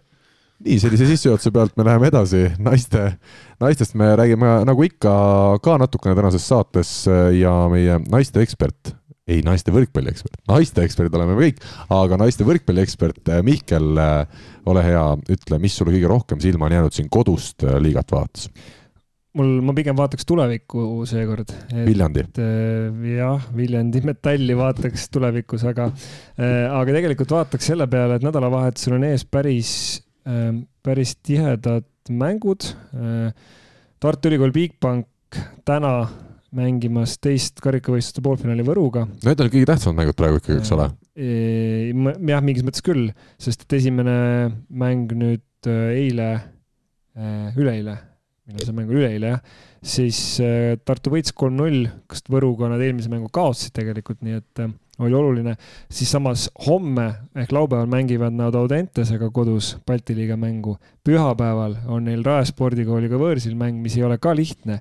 kolm päeva järjest jälle, jah? Äh, kolm päeva järjest, aga kui sa paned ka selle karikavõistluse, siis esimesest kuni viienda detsembrini ehk viie päevaga mängib Tartu Ülikool Bigbank neli mängu. et ma ei tea, kas see on päris okei okay asi, mida teha aga, aga mina arvan, et ei ole pehmelt öeldes äh, aga, aga igal juhul need mängud selles mõttes on otsustavad, esiteks Võruga, et pääseda karikavõistlustel finaali. no see ja... peaks olema ära, meil küll saade juba läheb ilmselt sel ajal eetrisse, kui mäng on algamas, aga no Tartu võitis esimese mängu ikkagi Võru vastu väga kindlalt ja, ja. noh, kui need ikkagi põhine asjad on olemas, siis ja. ei tohiks siin tegelikult küsimust olla. pigem on huvitav, et kui nüüd äh, homme ja pühapäeval näiteks Audentese rajaspordikooliga noh, natukene koosseisuga varieeritakse, et kas siis on võimalik näiteks Audentese natuke vastu hakata. omaette teema siis Tallinna Ülikool Kikas mängib äh, laupäeval. oota, aga ma ütlen sulle ära, et teine ja. poolfinaal on meil ka naiste karikasarjas, eks ja, ole, ongi on... Rae spordikool Viaston ja Audentes. just, aga see veel tuleb, eks ole, seal pole veel kumbagi mängu mängitud. üheksas detsember ja viieteistkümnes detsember on need just. mängud, millal siis teine poolfinalist esitatakse või finalist esitatakse. see on ka päris huvitav, et Audentes tundub, et, et võiks olla seal nagu favoriit, aga, aga Rae on Rael on nagu öeldakse, tuhh on üleval, et, et niisugune hea võistkonna vaim ja, ja kõik muu, aga nädalavahetusel siis äh, Kikas, Tallinna Ülikool Kikas mängib laupäeval kodus äh, siis äh, Riiaga ehk siis Läti, Läti ülikooliga ja pühapäeval on nad oma Balti liiga siis tabelinaabri Joonava võistkonnaga, ehk siis praegu seal on Tallinna Ülikoolil on seitseteist ja Joonaval on kuusteist punkti Joonaval on küll üks mäng vähem peetud, ehk siis seal on ka selline suhteliselt põhimõtteline, põhimõtteline andmine ja noh, nagu Eesti liiga kontekstis on laupäeval jällegi selline üks põnev mäng, sest äh, Võru mängib äh, Rae spordikooliga ehk siis äh, kui, kui täna karikas, siis homme neil liigas ja seal noh, on näha, et kas kuidagi see Rae äh, selline äh, ülespoole minev vorm ja ka lisandunud ikkagi põhitegija Hanna Pajula näol, et kas seal on, kas see kuidagi võrdsustab neid, et, et võiks, võiks olla iseenesest põnev mäng, nii et päris niisugust mitu põnevat, põnevat asja, mida üles märkida. Ütlen... ütleme nii, et see, sorry, ma segan vahele, ütleme nii, et see Rae võistkond on üsna muutunud peale seda, kui neil nüüd siin on vist kaks või kolm mängijat juurde tulnud, et et sellest noortevõistkonnast, mis algul pidi minema noortevõistkonnana mängima, on, on saanud no aga ütleme, enamus põhimängijad on ikkagi noored jätkuvalt, selles no, suhtes. nii ja naa, jah. ja no tabeliseisu koha pealt ütleme Eesti liigas, eks ole, kui, kui nad Võruga laupäeval mängivad, siis praegu Võrul on üheksa ja neil on, Rael on kuus punkti, mõlemal viis mängu mängitud, nii et see on ikkagi otsene selline noh, kas nüüd Rae teeb avalduse, et, et jõuda sinna esinelikule järgi, sest noh, juhib juhib praegu Eesti meistri, Eesti meistrivõistluste arvestuses siis Tallinna Ülikooli Kikas seitseteist punkti seitsmest mängust ja Tartu Ülikooli Bigbank on viisteist punkti kuuest mängust. aga teate, mina vaatan Tallinna Tehnikaülikooli Treidausi võistkonda ja siia on lisatud nüüd mõned äh, nimed, kes Eesti võrkpallisõppedele ikkagi midagi ka ütlevad, näiteks Liisel Nelis, Eesti koondises mänginud nurgaründaja on registreeritud TalTechi võistkonda. Ja samuti on äh, Kerli Kull ja Kristjan Lepp registreeritud võistkonda veel, nii et äh, sellist natuke kogemust on sinna väga noorele võistkonnale nüüd juurde tulnud ja kui need naised peaksid ka mängima, kui peaks ka näiteks Marcella Raud mängima ja Kristel Moor ka diagonaalründaja või, või siis tempo, noh, ma eeldan diagonaalründajana mängima hakkama, siis tegelikult TalTechil tundub ikkagi, et mingil hetkel võib täitsa hakata asja saama ka ütleme parematega mängides no Eesti liigas, eks ole, nad on praegu ainu-, nad on neli mängu nüüd mänginud kiir, kiirkorras, eks ole. ja neil on vähemalt üks võit kirjas, nii et noh, hea, hea seegi, aga noh, praegu tundub, et ütleme siis TBD Biodiscovery Tartu ja Viljandi Metalliga ja Raespordi kooliga võiks nad kindlasti nagu mängida, et küsimus on, et kas nad seal, kas nad seal teistega, kas ne-, kas neist nagu teistele vastast on. aga see oli muuseas, mis puudutab seda Raed ja siis seda TBD Biodiscovery võistkonda, et siis oli spordimälumängus oli vastav küsimus, et oli antud kaheksa no siis oli mainitud ära, et on kaheksa võistkonda osalemas Eesti naiste võrkpalli meistrivõistlustel, et siis meistriliigas ja et kaks tükki neist olid siis puudu, et mis need puuduolevad olid, olidki siis Rae ja, ja DBD Biodiscovery ja mitte ühtegi õiget vastust ei olnud, et mul siis sõbral võistkond osales seal, et ma olen ka seal mõnikord käinud mängimas, ta just helistas mulle pärast, ütles, et kuule, üks küsimus oli nüüd selline, mis oleks olnud sinu soolovastus, et sa oleks oota, kus see mälumäng on, tehakse Tallinnas mingi spordimälumängu? spordimälumängud jaa, täitsa regulaarselt. iganädalaselt või? kas nüüd iganädalast mitte, aga see on siuksed etapid on täiesti korralikud seal paneme võistkonna välja. paarkümmend võistkonda osalevad täitsa korralikult. pühapäeval oli, pühapäeval oli korvpall äkki või kuskil. aga korvpallimälumäng, jah, korvpalliteemaline, mälumäng on jumala palju, kusjuures Tallinnas väga populaarsed. aga siis peab minema sinna ja võib-olla teeme võrkpalli oma ise millalgi Mihkliga. teeme ise, peame võistkonna kokku hakkama käima kollitamas inimesi mm. -hmm. aastal kaks tuhat üheksa me alustasime Eesti jalgpalli mälumängu meistrivõistlustega, me oleme seda järjepidevalt teinud.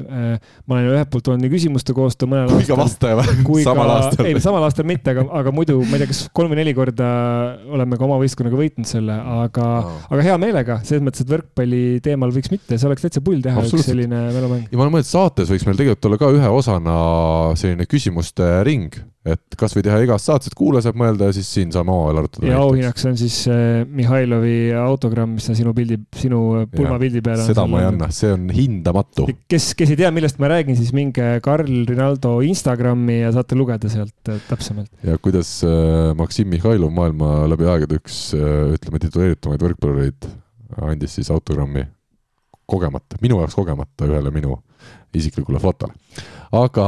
jah, ja, ja, ja see oli siis jutt nüüd, see kõik käis naiste võrkpalli teemal, ma rõhutan, kuhu see jutt. ikka me triivime, aga naiste võrkpallist me lühidalt veel räägime. Kertu Laak siis on lahkunud äh, Saksamaalt Schwerini Palmbergi naiskonnast. naiskond, kes siis oli komplekteeritud, äh, tänavu ikkagi on komplekteeritud siiamaani selleks, et äh, mängida Saksamaal kõige kõrgemate kohtade eest, paikneb hetkel tabelis kuue mängu järel alles kaheksandal kohal ja nagu me teame, kahekümne kolme aastane Eesti koondise diagonaalründaja ei ole suutnud tänavuse hooaja alguses oma taset välja mängida ja klubi siis otsustas eestlannaga lepingu lõpetada ja asuda otsima siis uut diagonaalründajat. Kertuga oleme ka siin suhelnud, ta on Eestis juba tagasi ja, ja tegelikult see, see uudis tundub hästi selline, ütleme, kuidas öelda, kurb või, või, või ette aimamatusest, ega võrkpallis väga tihti, nagu me teame, võrreldes korvpalliga näiteks ei toimu hooaja sees äh, mängijate vahetusi. aga nagu Kertu ise ka ütles, et tegelikult arvab, et see aeg on talle hea, et ta saabki lõpuks võrkpallist natukene puhatada, tundis, et liiga palju oli järjest läinud seda klubihooaega, koondise hooaega ja, ja võtta aega endale ja, ja kosuda, ma usun, et kokkuvõttes on see Kertule hea ja ma olen ka kindel, et ta hooaja teiseks pooleks leiab omale taas korraliku klubi mina tahaks, et ta tuleks meil järgmine kord siia podcast'i ja räägiks natuke sellest, et mis, mis ta elus toimub, et oleks huvitav kuulda, esiteks rääkida naiste võrkpallist kellegagi ja teiseks, et et noh, see on ikkagi võib-olla päris karm äh, teema mängida välismaal ja kui sul ei lähe veel hästi ja mis iganes see põhjus võib olla, et see on niisugune hea õppematerjal, seda enam, et ma saan aru, et on Võrkpall kakskümmend neli kaasautoriks sul tihti. ja, ja ta ütles kohe, et, et selle aja, mis ta Eestis on olemas, et ta aitab portaalis kirjutada hea meelega, et saadagi natuke mõtteid mujale ja olla ikkagi võrkpalliga seotud ja, ja, ja rakenduses, et, et ma usun, et ta saatesse ka on meil tulemas lähiajal. me pakume seda võimalust kaks tundi hoida mõtted mujal, et siin ei, tuleb üldse ära unustada, et me siin salvestame midagi, räägi ja. nii nagu ausalt on noh, kuidas on täpselt, kõik jutud südamelt ära. saada Saksamaal kõik jutud südamelt ära rääkida. toetav keskkond, vaata siin ja. pitsat tuuakse tavaliselt. täna on ju pitsa, muidugi noh, ma ei tea, profisport, ma isegi mõtlen, et kas peaks võib-olla muutma, et äh, samas vaatan Rivo, Andres, Mihkel, tegevsportlastest ma siin ei tea sobib. midagi. no mis kõik toimub, milles asi, noh, pitsa on okei okay,. tomat on, värk-särk on. mitmekülgne toitumine, ega me iga kord sama pitsat ei tee ju. pange nüüd, head kuulajad, pange nüüd tähele, härrasmees, kes tegi meie saate alguses äh, sellise tähelepaneku kriitilise tähelepaneku, et meie saate sissejuhatused on natukene võrkpalliväliselt liiga palju.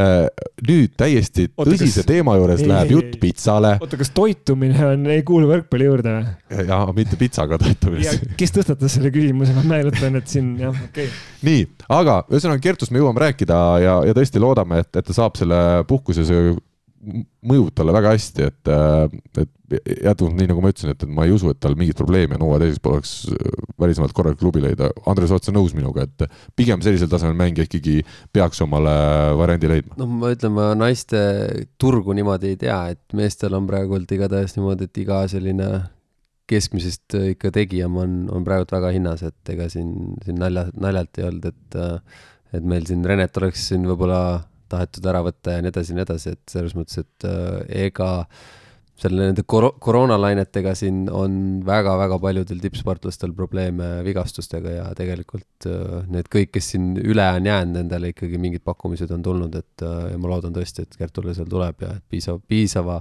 sellise vahe järgi ja, ja, ja piisavalt hea klubi. aga meie võtame tänases saates ette viimase teemaploki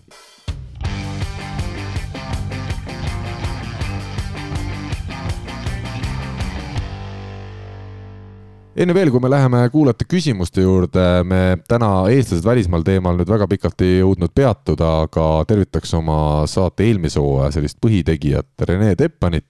tuli tema siis oma Türgi klubiga, kus, nagu me teame ei ole asjad nüüd kõige roosilisemad olnud.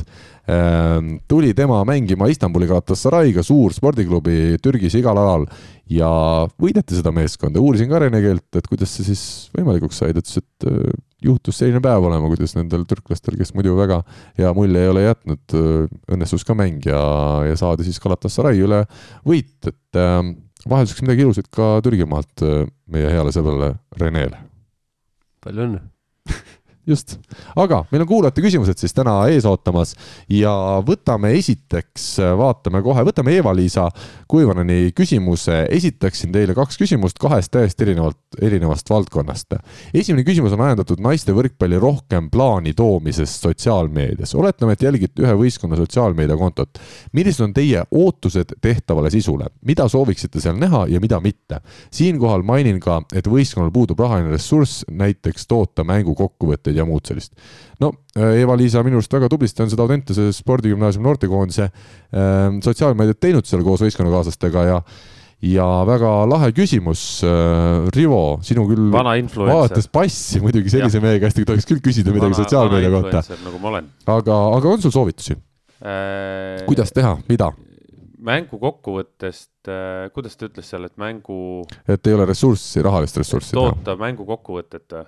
jah no aga, aga mis rahalist ressurss, ressurssi on vaja mängu kokkuvõttest, võtteks? no ta mõtleb sellist üles, nagu nii nagu Rae ilmselt tegi siin äh, eraldi telliti inimene, kes, kes filmis üles ja pärast tegi intervjuud, sihuke ütleme kvaliteetsem tehtud. ei, ei, okei okay,, no see, seda küll jah, aga, aga sa saad ju alustada ka sellest, et kõigil on telefonid käes ja tuleb sõbranna ja võtab kolme mängija käest intervjuu ja räägite mängust kui nüüd nagu veebiülekannet ei ole, on ju, siis räägite mängust ja panete selle välja, et see, seda ei ole keeruline. ja aga mina olen alati öelnud ka, et intervjuud ei pea tegema mitte intervjuu tegemise pärast, vaid see peab olema nagu midagi huvitavat taga alati, et kui seda intervjuud teha või seda mänguäärselt, siis peab olema see natukene huvitavam kui lihtsalt see, et on servi vastu. meil oli täna saab... servi vastuvõtt kehv ja, ja meil täna ei õnnestunud serv. seda saab ette valmistada kõike, et see ei ole. ütleme, noorel võistkonnal, noortel mängijatel kindlasti ei ole see nii lihtne, nagu see võib-olla meile kõrvalt tundub. Äh, jah, noh jah, täitsa võimalik, et aga selle jaoks on. Marko Mett on minu arust äh, olemas ju, Taldikis on ka juba teinud mingeid intervjuusid, tema on ka meediat äh, natukene ju, ju tunneb, et, et tema võib-olla aitab selles osas. ma arvan, et tegelikult on täna situatsioon selline, et kui sa leiad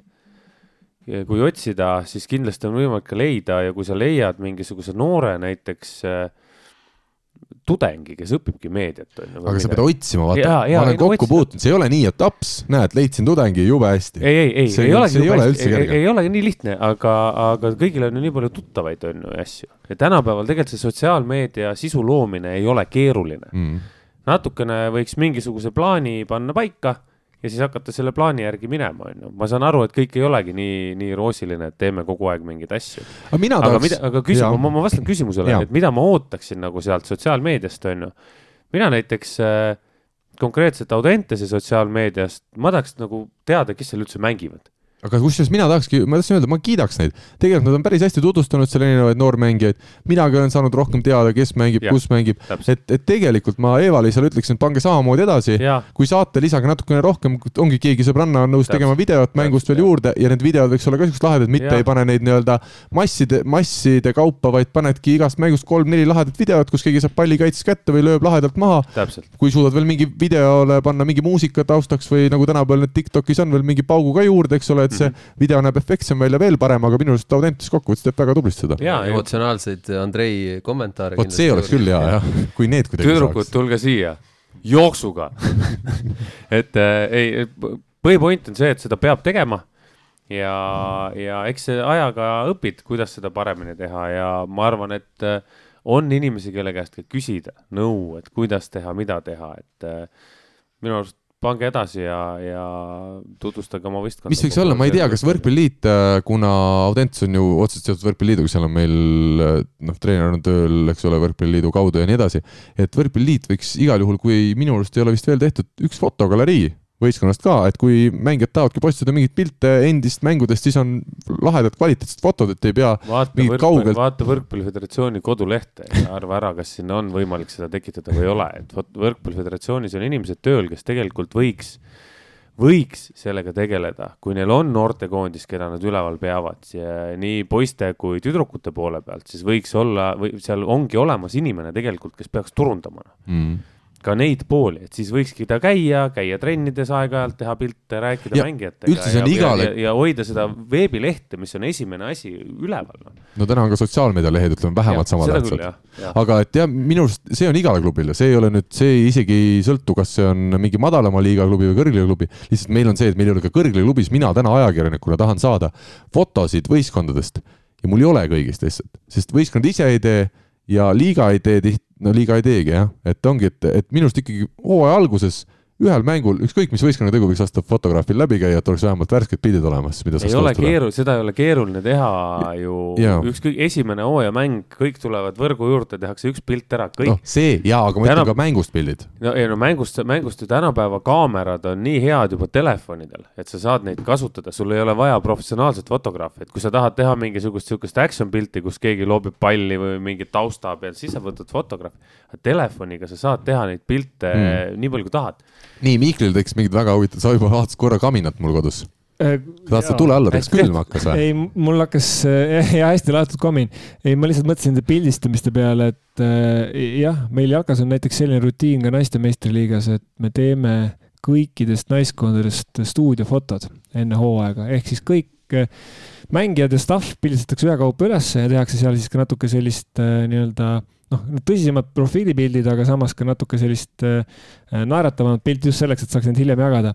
aga vastates küsimusele, mis oli, siis äh, mina ootaks nagu eelkõige järjepidevust, kui on, kui see vähegi on võimalik, et kui seda sisu toota, siis palun järjepidevalt, mitte niimoodi, et et see noh, mitte see ei ole nüüd niisugune nagu karm äh, nõue, eks ole, aga see on lihtsalt võib-olla nõuanne selle koha pealt, et kui te tahate, et teid jälgitaks ja te oleksite nagu pildis, et siis ei tasu äh, lasta äh, siis tujul langeda, kui üks nädal võib-olla ei tundu, et seal see vastukaja on nagu väike, on ju, aga pigem just, et jätkake sisu tootmist. teine asi, ma arvan, needsamad persoonid, et nagu ka Rivo ütles, et kes on need mängijad, miks nad seal on, ma ei tea, miks nad seal näiteks ka Audentese on Äh, valinud just konkreetselt, miks nad tahavad äh, saada, ma ei tea, tippvõrkpalluriks, kuidas nad seda teed näevad, võib-olla mõni ei tahagi, võib-olla tahab mõni pärast Audentese lõpetamist kuskile mujale minna.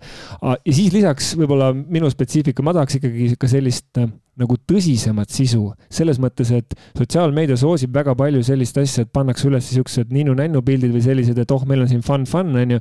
aga ma tahaks teada äh, ka seda, et kui palju ikkagi tegelikult nagu trenni tehakse, et siuksed reaalsed nagu trennipildid ja kui ka mõni kasvõi seal räägib, ütleb, et kuulge, et mul on ikka tõsiselt raske, et minu päevakava näeb välja selline, et mul on kaks trenni päevas, siis me peame kuskile Leetu või, või Lätti sõitma võistlustele. koolitöid tegema. koolitöid tegema, et noh, tegelikult see ei ole mingi fun, fun, fun, et, et nagu saage aru, et me pingutame nagu täiega, et seda poolt nagu ei taheta nagu näidata üldse, et see justkui, kui ma olen väsinud või kui ma noh, pingutan kuskil seal, et see on kuidagi, kõik peab olema see, et oo, lahe, me oleme siin, teeme trenni. et pea, ei, ei, et minu arust ei pea olema, ma julgustan nagu tõsist sisu panema, sihukest nagu noh, et me teemegi nagu tööd, me tahame saada profivõrkpalluriks või, või ma ei tea, naistekoondisse mm, -hmm. kes, kes tahab, kes ei taha, onju et see kindlasti, et minu soovitused sellised. jah, et kui sihuke, sihuke enam-vähem sihuke olukord, et keegi läheb kaameraga nina ette, keegi väsi-, väsinud tütarlapse ette, ta lööb sulle minema, et kuule, kao ära siit umbes, et see, see on ka juba see, et noh, näitab ära mm, -hmm. et noh, mis, mis tegelikult nagu noh.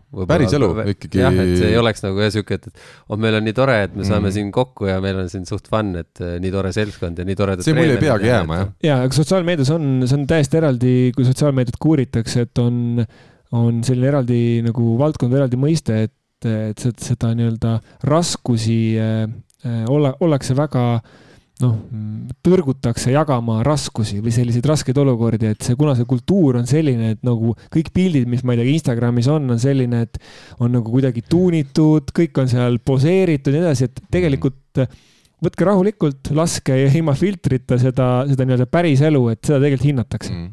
Äh, Andres, ma küsin päris ausalt, ma tean, et sina ju ei ole vastutav selle eest, mida teeb Tallinna Selver sotsiaalmeedias, sa oled klubi peatreener, sul on teised ülesanded, aga minul on kurb vaadata, et äh, Tallinna Selveri võrkpalliklubil Instagramis on hooaja algusest alates ehk siis oktoobrikuust, tänaseks siis üle kahe kuu on hooaeg käinud, kaks postitust üks postitus ütleb, et äh, need on pilt Sõle spordikeskusest, et on, näed, uus kodusaal ja teine on lihtsalt Selver Tallinn VK kaks tuhat kakskümmend üks, kakskümmend kaks ilma ilma nagu ah,, mängijate tutvustus on ka nimeliselt nagu toodud siis selle postituse all. kaks postitust kahe kuuga mm.. arvestades seda, et ikkagi kurb. tegu on tõsise klubiga Eesti meistriliigas, kas te olete omavahel arutanud seda, seda mille taha see jääb? jah, aga, aga selleni, kes, kes või kuidas või mismoodi teha, selleni ei ole jõutud ja ja nii on jah, et ei, ei ole täpselt aru saanud, et mis, mis süsteemi järgi see käib, et eelmine aasta see nagu toimis enam-vähem kuidagi ära, aga, aga see aasta ei ole nagu üldse kuidagi saanud. Teil oli eraldi inimene vist, kes sellega, eks ole, rohkem tegeles sotsiaalmeedia poolega? eelmine aasta nagu, nagu selle poolega vist nagu rohkem, vähemalt tema oli see teatud mõttes vastutaja seal, jah ja ma tahan veel seda lisada ka, et eh, mis ma arvan, puudutab nii noh, meestevõistkonda kui seda naiste, naistevõistkonna küsimust praegu. et sotsiaalmeedia ikkagi tänapäeval ei ole ainult see, et ma teeksin seda ajakirjandusele või ma teeksin seda fännidele. et see ikkagi mõjub ka võistkonna sees, see eriti, mida, mida nii-öelda vähem professionaalsem see võistkond on, mida noorem see võistkond on, see mõjub sellise fooni loomisele, et millise tundega me läheme mängule, mille nimel me mängime, et noh kuigi samamoodi ka profivõistkonnas see loob tegelikult fooni, et, et noh, mida ma ei tea, alaliit oma seal näiteks koondise kohta välja kommunikeerib, koondise mängijad ju näevad seda ja see, see tekitab vastukaja, see tekitab mingisuguseid arvamusi ja see loob mingisuguse kultuuri, mingisuguse fooni, et, et seda ütleme ka, ma arvan, ka treenerid, abitreenerid, kes iganes, kuidas mänedžerid peavad nagu suutma rakendada ka äh, siis võistkonna motiveerimise, võistkonna koondamise, võistkonna häälestamise vankri ette. ja minul üks isiklik palve siit lõpetuseks Eva-Liisale ja Audentese naiskonnale. mina palun teie Instagrami kontole eraldi postitust Andrei selfie. Andrei selfit tahaks mina saada küll Andrei selfie, kas siis Markoga, tüdrukutega, üksinda, ükskõik kuidas, aga mina sooviks Andrei selfit. ja siis, siis väike video, see making of, et kuidas Andrei võtab selle telefoni ja üritab seda kuidas ta kümme minutit kindlasti kirub kõiki tüdrukuid, et kuidas on võimalik teha iseendast üldse pilti sedasi sellesama kaameraga, millest ta kinni hoiad. et see võib-olla jah, see making of oleks veel eriti hea kirss seal tordil. aga kuna meil on küsimusi veel eh, ja me täna ei tee seitsmetunnist saadet, siis läheme edasi ja proovime suhteliselt konkreetselt vastata. Eva-Liisa teine küsimus on siis suunatud rohkem Rivole. millises vormis on hetkel Kaur-Erik Kais ja Karmo Savijook, mehed, kes siis lähevad meil üheksateist aastased äh, mehed lähevad meil U üheksateist MM-ile, miks nad lähevad U üheksateist MM-ile, on siis see, et see U üheksateist MM pidi toimuma tegelikult eelmisel aastal juba, ehk siis sama vanuseklassi mängijad saavad lihtsalt nüüd siis, kui on teist korda edasi lükatud detsembrikuusse see, saavad siis äh, minna lõpuks maailmameistrit selgitama. minu eeltöö ütleb seda, et nelikümmend paari osaleb, on seal kvalifikatsioon ka, meie mehed Kais ja Saviauk on siis otse kolmekümne kahe seas ehk põhiturniiril ja peaks olema siis kas viieteistkümnes asetus vist. Rivo, millises seisus on Kaur ja Karmo täna, sina oled neid nüüd treeninud täpselt kuus päeva, mõlemad mehed tulid sulle otse kaitseväest äh, sellise siilisoenguga. Äh, jah, selles suhtes väga, võib öelda isegi ajalooline hetk, et egas ju MM-il on, on mänginud kunagi Niinemägi Tikas. ma nüüd Keel Kreene ko-, Kreeni kohta ei Olid. oska öelda, olid, olid MM-il, minu arust küll jah. siis äh, Kristjan ja Kaarel Kais minu arust ei ole olnud, Kristjan Kaisiga meie oleme olnud ja on olnud Kristo Kollo, Oliver Venno maailmameistrid. maailmameistrid ja egas rohkem minu arust ei olegi olnud, et nad on viies paar äkki, kes on üldse saanud, ma ei tea, kas tüdrukutest, ma võin eksida naiste poole pealt, ma võin praegu eksida, ma, ma ei ütle, kas on olnud või ei ole, aga, aga nad on üks, üks väheseid, kes on üldse nagu Eesti võrkpallis MM-ile jõudnud. ja see MM ei toimu kuskil äh, Riias või Jurmalas, vaid see on Tais, Puketis. Äh, jah, ja aga Eva-Liisale vastuseks, et äh, täitsa okei vorm on, see, arvestades seda, et Karmo Saviauk ei olnud kuu aega üldse palli katsunud ja noh äh,, Kaur-Erik Kais, ta ju TalTechi võistkonna nimekirjas, ta teeb nendega trenni, aga ta ütles ka, et neid lastakse umbes kell kuus äh, väeosast välja. Ja või, või, või kell seitse, et ta noh, ta, tema teeb iga päev võib-olla mingi tund aega trenni. et Kais on äh, siis äh, spordiroodus, temal nüüd sai see ja. Aeg läbi nii-öelda kaks ja pool kuud või palju see on, aga Karmo ei ole spordiroodus, siis temal läheb see nüüd edasi veel pikalt-pikalt. Mm. täpselt, et äh, äh, okeis vormis ja ega see süsteem seal tegelikult on ju selline, et seal päris paljud alagrupid loositakse, kuna on nullpunktidega võistkond, et seal kuusteist paari on vist punktidega, meie omad siis on nende Jah. hulgas, aga ülejäänud on ülejäänud kõik ilma punktideta. et seal need loositakse, et seal võib sattuda tugevad võistkonnad sinuga alagruppi ja Mm. ja nõrgad, aga, aga ei, kutidel on nagu mänguline arusaam on väga hea, mingeid väikseid nipet-näpet me seal timmisime, panime paar rünnakuvarianti juurde, et ma usun, et nad saavad hakkama küll teeme siis tutvust ka, no Kauri Kaisi me ei pea tutvustama, Rasmus Meiusega võitsid siis suvel ka Eesti karikavõistluse etappi Pärnus, alistasid seal poolfinaalis Korotkov Lõhmus ja finaalis veel Märt Tammearu ja Karl Jaani, nii et seal ikkagi nad äh, esimest korda ka realiseerisid oma võimed äh, meesteklassis. Ja noh, pluss on nad siis juba mitu aastat mänginud noorte vanuseklassis äh, tiitlivõistlustel Eesti eest, aga Karmo Saviauk on natuke tundmatum nimi kindlasti, kes nüüd siis Meiust asendab, miks Meiust ei ole, on see, et TalTech vist ei lubanud ära Meiust, kuna Meiusest on saanud siin ikkagi väga tähtis lüli. TalTechi võistkonnas ja karikamängud Selveriga on ees ootamas. Andres kindlasti oleks lootnud, et, et oleks läinud Meius sinna MM-ile, oleks läinud veel treenerina kaasa kas või Mattis Schmidl ja Bo Graham ja ja oleks edasi need karikamängud ära pidanud. aga Saviok on tegelikult asjane mängumees ja kuna me rääkisime siin mälumängust, ma küsin, kellele kaotas Karmo Saviok oma tänavuse paarilisega äh, Aleksei Bojakiliga Eesti meistrivõistluste. Eesti meistrivõistluste play-off'i avaringis. ei noh, lihtsalt üks küsimus, juhuslikult. Lähme edasi, see näitab, see näitab muidugi taset nagu ma ei ütle, kelle taset. ei tule siit ühtegi vastust ja Rivo Äh, sa ka ei taha. Taha Ma- öelda mina tean No. aga, aga ma ei ütle. ikkagi ütle jah.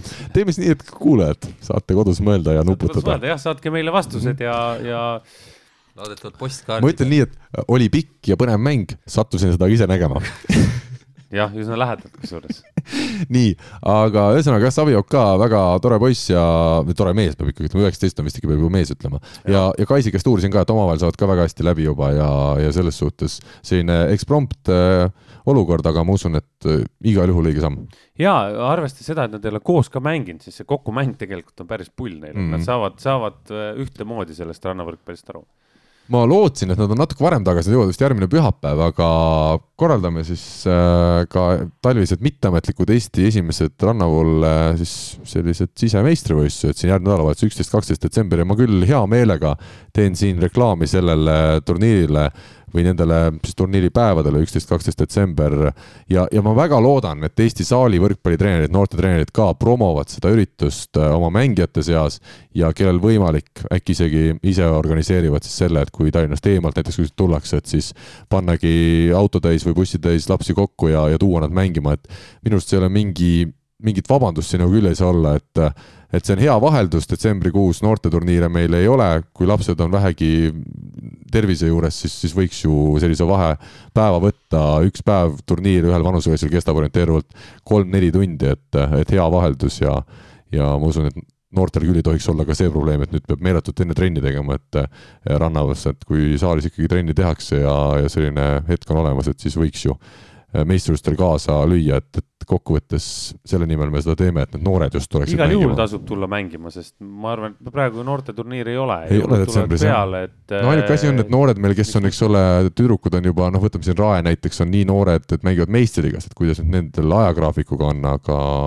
aga need, kes on ikkagi noorteklasse mängivad, nendel peaks olema šanss vähemalt tulla, nii et väga-väga-väga loodame ja ootame kõiki kohale, korraldajatega teeme kõik, kõik endast võimalikku, fotokaarid, sotsiaalmeediat, väga ägedad medalid ja karikad tulevad ja lisaks veel siis äh, Delfis on meil ka otseülekande, otseülekanne naiste-meeste finaalist ja ka kahest noorte noorte vanuseklassi finaalist on meil plaanis teha siis nelja kaameraga ülekanne, et see on midagi, mida ei ole enne tehtud ja, ja ma kõiki kutsun mitte ainult mängima, aga pealt vaatama. aga Aare Alba äh, tõi siin välja, et äh, tasub vaadata ka madalamas liigas mänge otseülekandes, tema sattus nimelt jälgima siis esiliigat, meestel Võru ja Viljandi mängisid. Ja Aare ütles, et reporteri emotsionaalne jutt küttis ikka täiega käima. et äh, kommentaator pajatas võrkpalli ajaloos tänast äh, sponsoreid, nii nagu kord ja kohus ja, ja oli tõesti selline üliemotsionaalne. mina isegi ei tea, kusjuures, kes see mees oli, ma ei tea, kas Andres ja Rivo teavad, kes see kommentaator seal äh, Võrus on? Mina ka mulle meenutas see seda Rene Kundlat, kes eh, Ida-Virumaal jalgpalli käib kommenteerimas ja räägib ka noh, põhimõtteliselt koha. kogu valla. kuni kohalike suusavõistluste noorte tulemusteni välja, et, et kõik, mis parasjagu toimub. aga see on äge, sest mina sattusin ka tänu sellele seda mängu, see oli mingi laupäevane päev äkki või, äh, sattusin vaatama, et seal oli jube palju kommentaare tulnud ja seal oli vist mingi loosimäng ka samal ajal, ehk siis kõik õiged asjad olid tehtud, et inimesed hakkakski jälgima ja kuna see vend oli selline tõesti üliemotsionaalne, siis mulle jäigi mulje, et neljanda game'i lõpp Võru ja Viljandi esiliiga mängus. vot siit nüüd sõltubki, mis minu edasi, elus edasi saab, sest see kommentaator ütles, et nüüd pange kõik muud asjad kõrvale, siin on nüüd neljas game, kas Võru saab selle game'i kätte või mitte, et väga lõbusalt tehtud. aga siuksed ongi sümpaatsed ja tegelikult see peabki olema oluline, see peabki olema tol hetkel siukse elu küsimus nagu mm. -hmm. ja oli ka tõesti hea mäng mm, -hmm. et, et vaadata. nii, aga siin on siis meil järgmine, Ahto on meil küsinud lugesin paar, paar päeva tagasi Delfist pikemat artiklit sel teemal, et kuidas täpsemalt ikkagi TTÜ Sats Saaremaa asemel CEF Cupile mängima läks ja kuigi artikkel oli pikk ja asjalik, tekitas loetu minus ikkagi paar küsimust. täpsemalt see, kui Roosna küsis Pevkurilt, et miks sai selle koha TTÜ, mitte Selver, kes oli eelmisel hooajal TTÜ-st eespool kõigis kolmes sarjas ja Pevkur vastas, tegemist oli puhtalt klubide omavahelise kokkuleppega, kuhu tema oma küüneviha sisse ajada ei tahtnud. kas te juhtute teadma ja oskate selgitada, kas tõesti ei ole nii Eesti Võrkpalliliidul ega CEF-il selleks puhuks mitte mingeid paika pandud reegleid, et kuidas käib turniiril asendusklubi määramine, kui üks klubi oma kohast mingisugusel põhjusel loobub. vastus on vist, et ei ole lihtne ja lühike vastus. vastab Rivo Vesik, et sellele küsimusele. ei ole, ei no vastus on, et ei ole üks, ükskõik mismoodi, see ei saa olla nii, et klubid lepivad omavahel kokku, no see ei saa olla, see peab olema reglementeeritud, see peab käima läbi alaliidu mm.. see ei ole ju niimoodi, et, äh, et noh, sama võtame jalgpalli näite on ju. Levadia on võitnud mingisuguse koha kuskil ja siis äh, Levadia mõtleb, et ah, me tegelikult me ei viitsi minna või ei taha minna või ei saa minna või mis iganes see põhjus on. ja siis Levadia helistab äh, Pärnu vaprusele, helistab Viktor Levada, kas ta on seal veel praegu? Viktor Levada helistab Pärnu vapruse presidendile või kes iganes seal on, ütleb, et kuule minge mängige meie ees seda Euroliigat, et äh, me ise, me ei taha minna või mingi probleem on, onju.